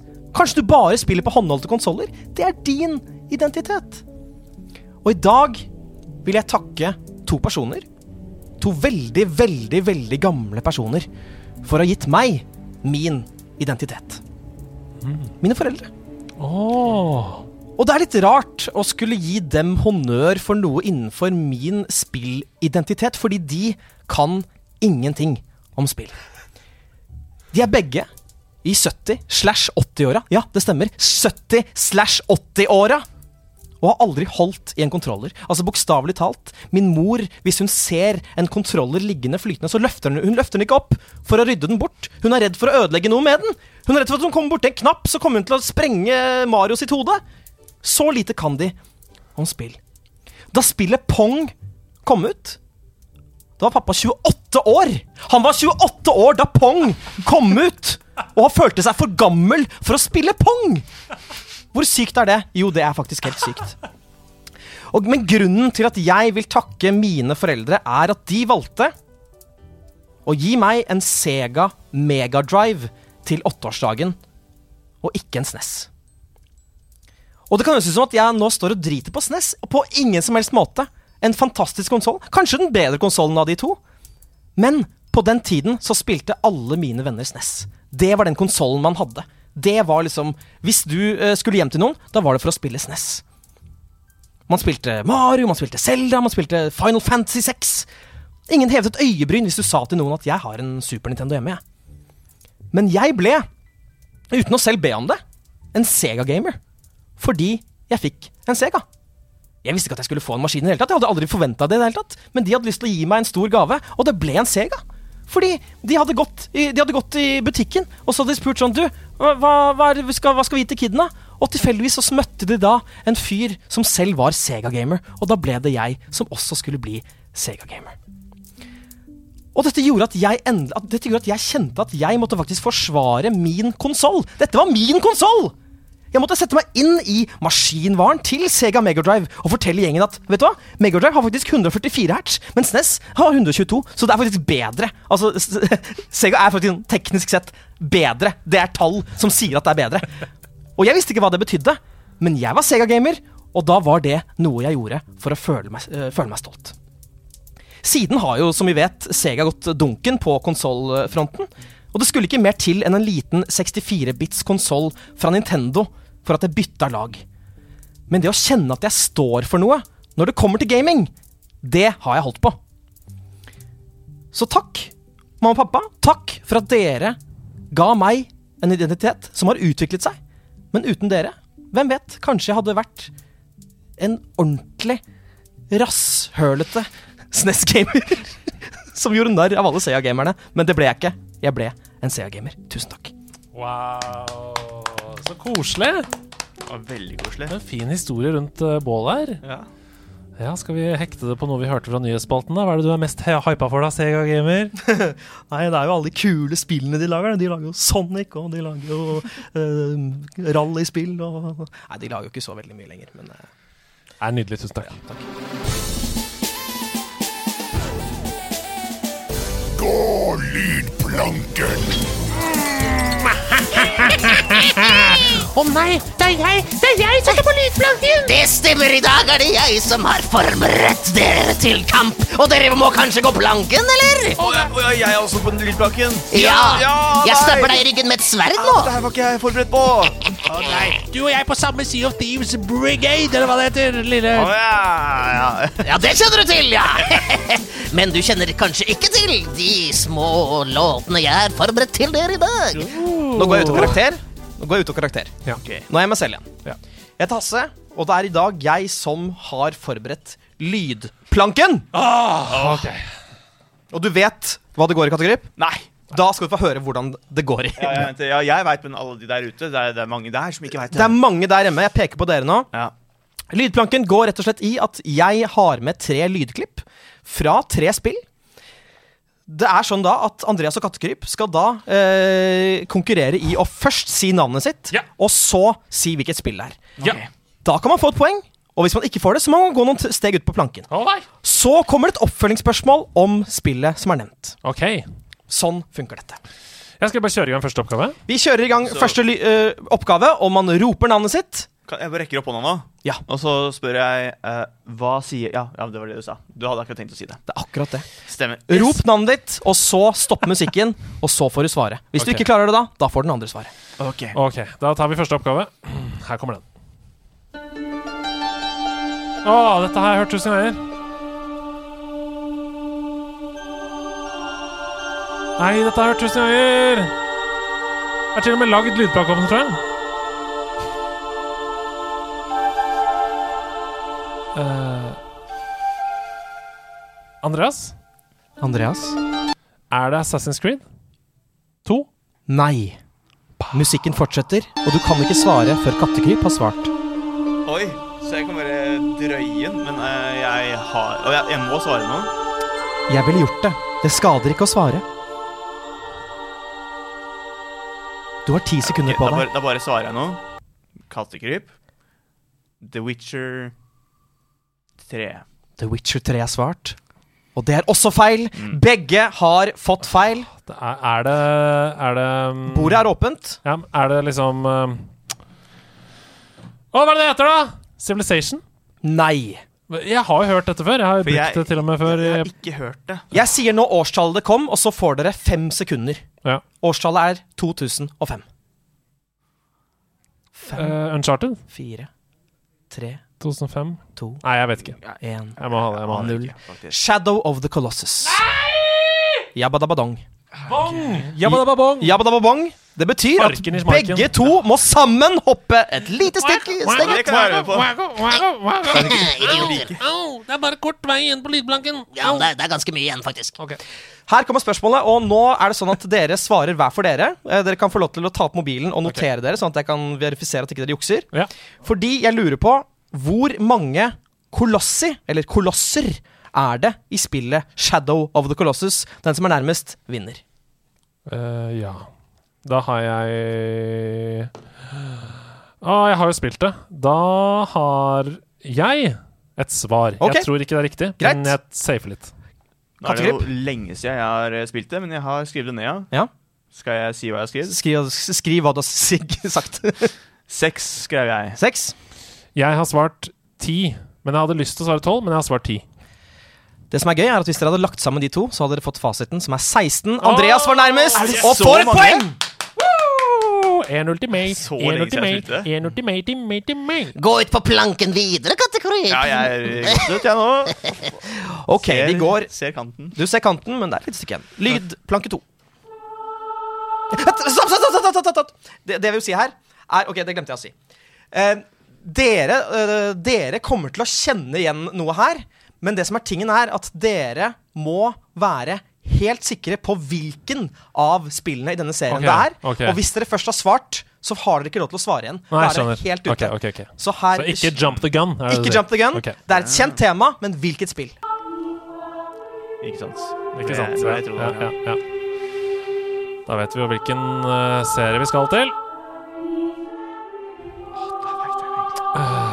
Og det Men jeg lukter jo tør jo ikke. Kattekryp. Kattekryp. Jeg, jeg, vil, vil, jeg vil bare være først. Ja. Og så, og så bare sier jeg Twilight Princess. Du sier Twilight Princess. Det er riktig! Fy Var det fader, altså! Det er riktig! Okay, Da kan jeg i hvert fall konsolidere meg med at jeg hadde det. det hadde, ja. Det er umulig å bevise, men jeg stoler på deg, Andreas. Men Kattekryp, du turte, og det Ja. får du poeng for. Selvfølgelig, selvfølgelig. Det er 1-1. Eh, Andreas, Balle! eh, ja da, ja da. Det er lov å være sur. Det er lov å være sur. Det er lov. Her kommer spørsmålet som Ja. følger. Twilight Princess er kanskje litt overraskende det nest bestselgende Zelda-spillet noensinne, med over ni millioner solgte eksemplarer. Hvilket er på førsteplass? Skriv det ned på mobilen. Spørsmål. Jepp. Um, Ocarina of Time har f.eks. fått to utgaver. En på 3DS og en på Nintendo 64. Slår vi sammen salgstallene oss sammen. Ok. Ja.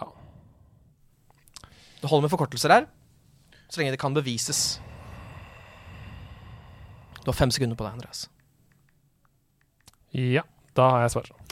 Denne gangen hører vi fra deg, Andreas, først. Breath of the Wild. Du har svart Breath of the Wild. Det har jeg også gjort. Og jeg kan bevise det også.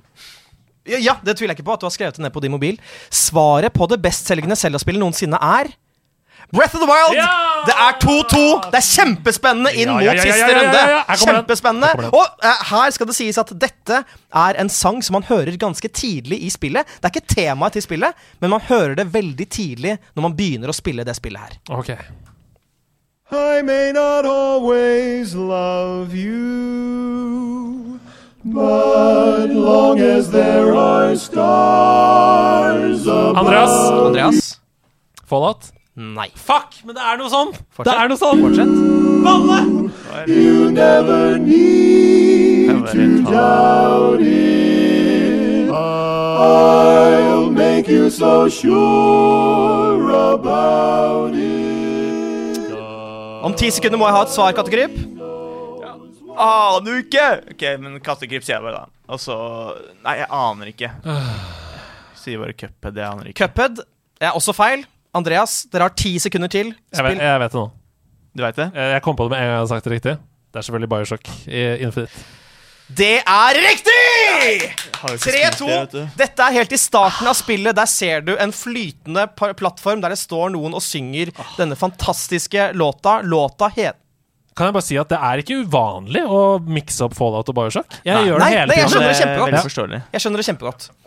Dette er jo da um, ok, ok, fordi mange Dette er spørsmål to. Mange, meg selv inkludert, mener at God Only Knows av The Beach Boys er den vakreste kjærlighetssangen som noensinne er skrevet. Mm. Og det er blitt sitert på uendelig mange ganger. Jeg mener det fra bunnen av mitt hjerte. Mm. Men jeg lurer på hvilken film fra 2003 brukte denne låta i sin introsekvens? Skriv den ned på mobilen. Dere har 20 sekunder fra nå. Fra hvilket år, sa du? 2003. I sin introsekvens. Oi! OK. Ja, jeg har et svar. Ti sekunder igjen. Fem sekunder igjen. Jeg rekker ikke å skrive det på fem sekunder og tenke. Nei. Ok, men da kan du få lov til å si det høyt. Jeg har skrevet Nei, så ja, det gjør ikke noe. Da kan du få si det høyt. Ja, men jeg greier ikke å tenke heller. Så jeg sier bare Nei, jeg vet ikke. Åh! Jeg feila. Ja, er det som er riktig svar? Andreas? Eh, Jeg begynte plutselig å lure på om det bare er på outroen, men jeg sier Love Actually. Du sier Love Actually. Ja. I Love Actually så starter filmen der det er ekte klipp fra en flyplass, der folk eh, lander og møter sine kjære og viser ekte kjærlighet i øynene, og da spilles God Only Knows! Det er riktig! Andreas har vunnet lydplanken! Kattekryp, du må bevege deg ut, og du skal dyttes av lydplanken! Gå, Gå, gå, Gå! gå, gå, Lydplanken! gå. Plask. Veldig, veldig bra. Takk. Eh, kjempebra rollespill. Eh, da går vi videre.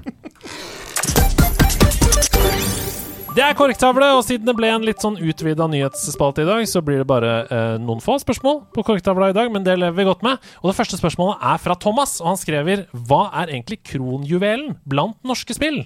Hva er egentlig kronjuvelen blant norske spill? Og det kan jo være masse forskjellig, selvfølgelig. Uh, I moderne tid så har vi jo mange forskjellige. Jeg føler selv at jeg har et svar. Hva har du? Jeg har et veldig, veldig tydelig svar på det. Ja, kjør. Owlboy. Owlboy! Ja. Godt svar! Det er en kronjuvel. Det har gått uh, verdensgang. Ja, og det landa vel på 95 på Metacritic, som er helt sinnssykt. Ja, det er helt sinnssykt. Uh, Among the Sleep har også kommet langt. For min egen del er det den lengste reisen, altså. Jeg Ja, kan ikke si det noe regnet jeg annet. med. Uh, Det var faktisk den lengste reisen jeg tenkte òg. Det var faktisk den lengste reisen jeg tenkte òg. Men eh, jeg altså, hadde tenkt å si sånn Nei, det er eh, Det må jo være Hellheim Hassel som er uh, kronjuvelen av norske spill. Ja, ja, ja, ja. Ja. Ja, nei, det er også et veldig bra spill. Så. Nei, men da går vi videre, da. Fransen spør hva kven er den beste big bad guy slash gal i et spill, og hvorfor? Håper de har hatt en fin påske. Så da vet dere hvor lenge det har Ja, stått shit. på korktavla. Det spørsmålet. Big bad guy? Altså en Den- bad guy som er svær? Ja, Den eller- beste, Hva er liksom. den beste bad guy eller bad gal, da? Mm. Oi. Har, der, der har jeg jo et veldig Ja. svar med en gang. Det, det syns jeg er Handsome Jack. Jeg skulle også si Handsome Jack! Handsome Jack er uh, Handsome Jack er fantastisk bad guy, altså. Uh, veldig sammensatt og veldig kul å følge med på gjennom hele. Uh, hva gjelder big bad guy, så er det litt interessant den reisen Donkey Kong har hatt, eller? Fra slemmingen Ja. til å være den du spiller med. Uh, han heter kanskje ikke Donkey Kong i det første Mario-spillet, der hvor Jumpman skal opp til Donkey Jo da! Det er, Jo, det hele er- spillet heter jo ja, Donkey det heter jo Kong. det, det heter jo det. Uh, så ja. Ja, jeg, jeg spilte eh, ikke så mye Borderlands 2, Mm. men jeg har jo hørt uh, ryktene om han, så jeg må ta et Det er, det er klisjé å si det, men Vas i Far Cry Ja, 3 ja, altså, det, er, er- det er bare så bra spilt, og man Kan- blir ja. Mm. Kan vi også smelle hun dama i Resident Evil Village som Ja. går rundt? Lady Dimitrescu. Som Som jeg ikke har fått spilt ennå. Forferdelig. Hvordan føles det å se tilbake på hvor dere starta med nerdelandslaget, og hvor dere er nå, sier Ole Amund. Dette må nesten du svare på. Hvordan skal man svare på det kort, da? Det er jo helt uh, sinnssyk reise. Uh, vi starta bare som en liten hobby der vi skulle snakke om spill fordi vi elska spill på fritiden. Uh, nå jobber jeg med det. Og vi er et eh, kjempecommunity som eh, møter opp på 200 stykker på liveshow i Kristiansand nå. Det er helt fantastisk. Det er en drøm. Jeg har ikke lyst til å våkne. Uh, og vi skal holde på med det til vi dør. Ja. Så det er fantastisk. Tusen, tusen takk for at du er med og følger uh, og spør, ikke minst. Ja. Ebbs skriver The Batman eller The Dark Knight? The Batman, altså den nyeste, eller The Dark Knight? Å ja, lett uh, Dark Knight. Ja. Jeg har jo ikke sett eh, Batman ennå, men jeg tenker det skal mye til å slå The Dark Knight, tenker jeg. Ja, det skal det, ass. Dark Knight for meg også. Ja. Selv om Batman er en bra film. Er kul, den. Men Uh, Dark Knight er revolusjonerende. Ja. uh, rett og slett. Super-Carlsen, aldri spille PlayStation, eller aldri spille Xbox igjen? Den er tung på én side for meg. Ja. Og det blir Nei, altså Det er PlayStation pga. katalogen, liksom. Ja. Altså de eksklusive spillene. Ja. Det blir det for meg også, fordi du har jo fortsatt PC der. For meg så er det knallvanskelig. Fordi jeg ville sagt PlayStation lett, eh, basert på fortiden. Men basert på fremtiden så føles det nå helt utrolig vanskelig å si nei til Xbox. Ja, men det, altså, alt med GamePass og alt med Game Pass og alt det der, så er det jo Ja. Men for min del så er jeg litt sånn Ja, PlayStation er på en måte konsollen Ja. jeg går til, og så er det Ja, fordi- Alle de andre spillene har det på PC For det også. er det. Samtidig så er det jo sånn eh, Det er litt juks. Fordi Ja. Xbox er jo også PC. Skal vi si at Xbox og PC er én ting, eller? Å aldri spille PC og Xbox Ja. eller PlayStation igjen. Ja. Da, blir det, da, Da ryker blir det PlayStation. Ja, Fremtiden er nok Xbox, altså. Men jeg kommer til å ha det forferdelig painful da når eksklusivene kommer, så jeg har ikke lyst til å velge. Ah! Uh, nei, jeg, jeg, akkurat sånn som det er nå, så må jeg velge Xbox slash PC. Kulturbrasseriet spør Kan dere spørre, snakke litt om den undervurderte Mulle Mek-serien? Mulle Mek! Hæ?! Jeg spilte jo aldri Mulle-Mekk Jeg husker Mulle Mek vagt som en spillserie eh, fra barneskolen. Ingen av oss har spilt det, så jeg lar den ligge på korktavla. Så tar jeg den opp når noen andre har spilt det. Katrine til slutt Hun spør absolutte must-haves på en spillmusikkspilleliste. Er det noen favorittspill? Return of the Obra Dinn. Å, nydelig spillmusikk. Journey, jeg pleier å si det. Um, Jeg bare, sånn, Breath of the Wild, selvfølgelig. ja, så- ja, men Super Mario Galaxy er veldig, ja, det er mitt favorittsoundtrack. Ja. Galaxy 1 og 2. Mm. Elsker det. Uh, hører på det ofte. Men det er veldig mange gode spillsoundtracks. Det er veldig mye bra der ute, og digger det.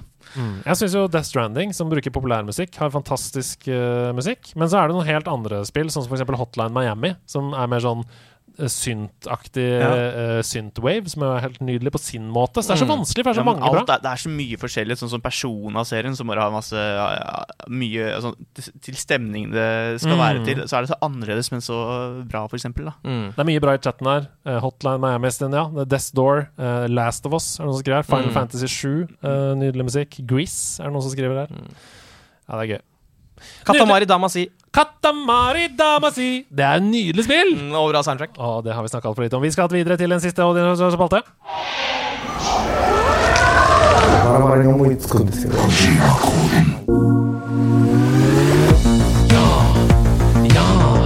Og Hasse gjør en transformasjon i studio. Han går fra å være Hasse Hope til å bli Hirio Kojima her borte. Oh! Hideo Kojima, natatamane bareo. Hideo Kojima, natatamane bareo. Hideo Kojima, natatamane bareo.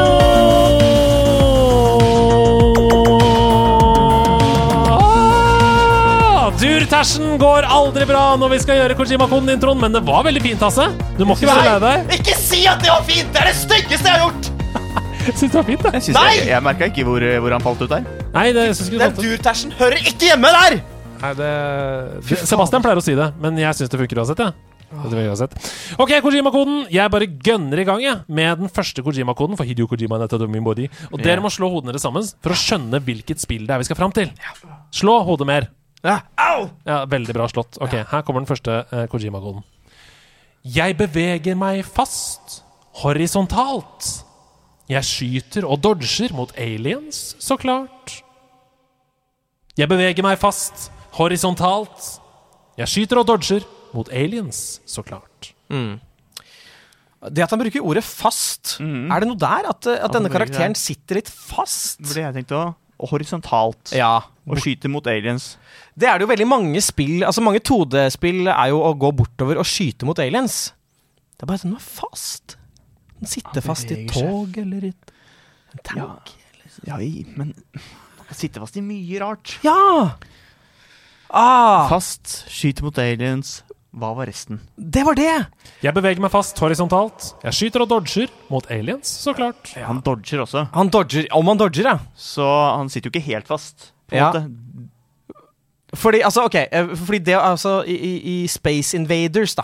Du dodger jo på en måte eh, Ja, fordi litt greier der. det, det er jo det som høres mest logisk ut. Ja. Men er det det, da? Ja, er det det? Er det liksom Metroid? Der skyter man jo aliens. Ja. Aliens. Ja. Nei, jeg, jeg har lyst til å si Space Invaders. Ja, men det er liksom der jeg altså ligger på Space Invaders, som er det eneste som jeg Vil dere er svare. Space Invaders? Space Invaders er svart. Er riktig! det er sant! Riktig! Har vi virkelig gjort det? Dere har knukket koden i første ledd! Det var jo så innlysende. Her er andre ledd. Så vanskelig at det er lurt å på myntene ha kontroll. Ja. Mitt romskip kan jeg gjemme bak ødeleggbare skjold. Oi! Dette er godt skrevet. Det er det. Det er Space Veldig, veldig og dere får to poeng som dere kan bruke i Korv Jima-boden på ostepølse når det åpner. Oi. Det smaker godt. Ja. Yes, Da æra det være min tur at uh, Kajima skal ta plass i i bodyen min. Da må vi slå hodene våre sammen. Ja. Ah. Au. Det gjorde vondt. Det gjorde vondt. Ja. Et spill om det å være glupsk, som hadde et eh, grovt utgangspunkt. Navnet var nemlig greit i seg selv, men én bokstav unna ble runkt. Ja, eh, jeg vet det. Så du kan jo da uh, tenke litt. Har du lyst til å Hva tenker du? Hva er det første du tenker? Jeg tenker Pacman først. Ja, det er Pacman. Ja. Kan jeg ta vers nummer to? Ja. For det er det som er litt gøy. Bare hør på det her. Ja. Ganske så gammelt, men ei Space Invaders! Nei! Hva skjer?! Men mange vil si at dette var ar Ok, men mange vil si dette var Arkadenes første superhit, laget av de japanske spillenes andre gud far. Pac-Man! Det der er, Det er helt tilfeldig. Men hva er det som skjer både Wave Race 64 og Space Invaders Ja. i samme episode? Ja, Jeg skjønner ingenting. ikke heller. For det var jo selvfølgelig Pac-Man det skulle hete. Ja. Og man kunne skrape på P-en. Og så ble ble det Fuck man. Fuck man. Men det hadde vært et bra spill i Danmark. Fuck man! Fuck man, vi skal spille på arcade-spill, man. Nei, det var gøy med Kojima-koden. Ja, det var det. Ja, vi var flinke, syns jeg. Vi må Det er rett og slett sånn at det er eh, den første uh, episoden i måneden der hvor vi er tre programledere. Og da er det den eksklusive spalten som bare kommer én gang i måneden.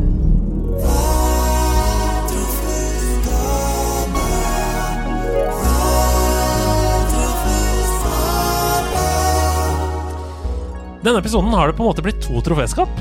Og det syns jeg folk for fortjener. To troféskap på, eh, i én pakke, litt som Kinderegg. Det, det, det hadde vært, skulle vært tre troféskap, da, Ja, ja. hvis det hadde vært Men jeg bare gønner i gang, jeg, fordi dette er en veldig høyaktuell, et høyaktuelt troféskap som jeg har skrevet, uh, i, som står seg bra i disse dager. Er dere klare for å lytte? Mm. Ja, ja, ja. Her, her kommer det. Jeg har alltid elska å både spille spill og se på andre spille spill. Men ganske tidlig så fikk jeg også en fascinasjon for å lese om dem. Suge til meg kunnskap om dem og høre andre snakke om dem. Jeg var misunnelig på venner i klassen som fikk Nintendo Power, eller PC Gamer, av familiemedlemmer i USA, spillbladet som fast hadde en diskett eller CD-rom på coveret. Og Henrik han var den heldigste av alle, for han abonnerte på Nintendo-magasinet.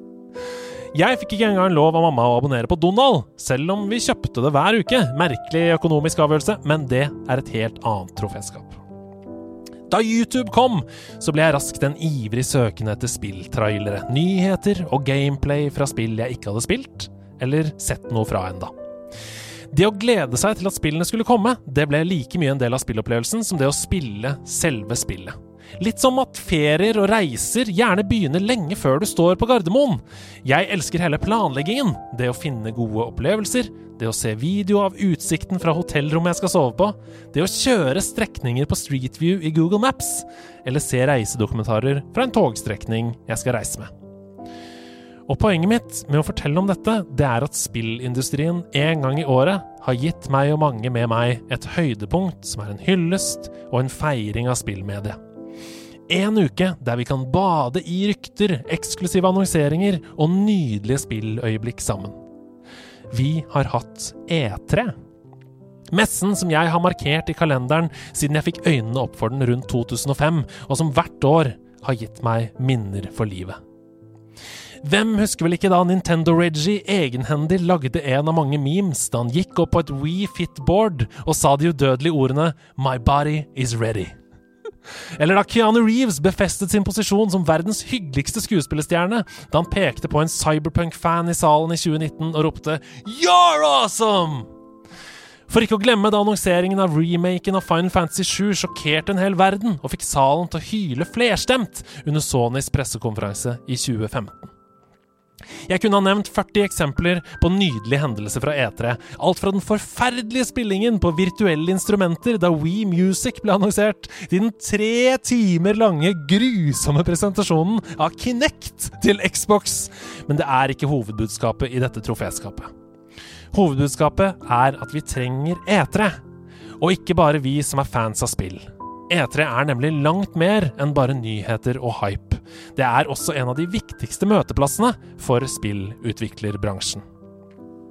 I en verden som har sett ut som Death Stranding de siste årene, så trenger vi flere møteplasser og flere eventer som samler oss, ikke færre. Vi trenger mer kjærlighet til spill, spillkultur, spillutviklere og hverandre, ikke mindre. E3 er med på å gjøre spillmediet til et bedre sted. Og mister vi E3 nå, så er det et stort tap for hele bransjen, men også et stort tap for meg personlig. Jeg er ikke klar for å si farvel til messen som hvert eneste år har blusset opp spillflammen i meg. Messen som har gitt meg uforglemmelige øyeblikk der jeg har hviskeskreket inn i en ørepropp med 3,5 mm minijack til Sebastian Brynestad klokka 04.30 på natten fordi Beyond Good and Evil 2 blir annonsert ut av det blå. Så tusen hjertelig takk, kjære etere, for alt du har gjort for meg og for oss i alle disse årene, og måtte du gjenoppstå som en fugl føniks med nye, vakre, kleine, voldsomme og emosjonelle øyeblikk allerede i 2023.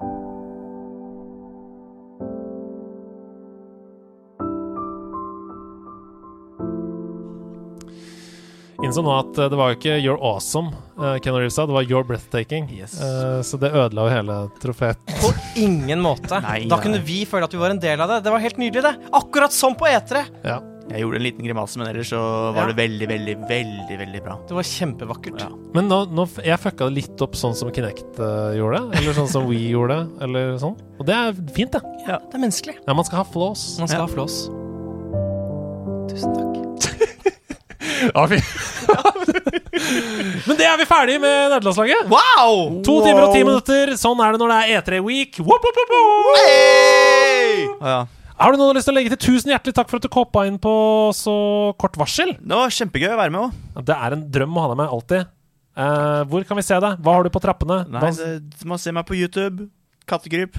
TikTok, kattegryp. Instagram, Kattegrip kattegryp. Overalt kattegryp, egentlig. Veldig bra at du bare har tatt alle de Mm. handlesene. Ja. For det er veldig lett å finne. Ja. Hvor, hvor finner man deg, Hasse Hope? Eh, Du finner meg eh, på eh, MySpace slash kattekryp. Det er den eneste kattekrypen som jeg har ene og alene. Men Hasse Hope er på Instagram og TikTok og YouTube ca. en gang i året. legger jeg ut noe der. Ja, det er deilig! Nå er det snart sommer, dere. Det er bare to vanlige episoder av Nederlandslaget. Det er faktisk bare én vanlig episode. Neste uke så kommer Kristoffer Schou på Nederlandslaget! For å snakke om sin spillkarriere. Det blir veldig veldig gøy. Det er jo kronk. Det er helt kronk. Uka etter det så blir det sommerspesialer og veldig, veldig fint. Um, helt fram til vi starter opp med ny sesong igjen i august. Uh, hurra for det. Og hurra for dere som hører på. Og hurra for oss.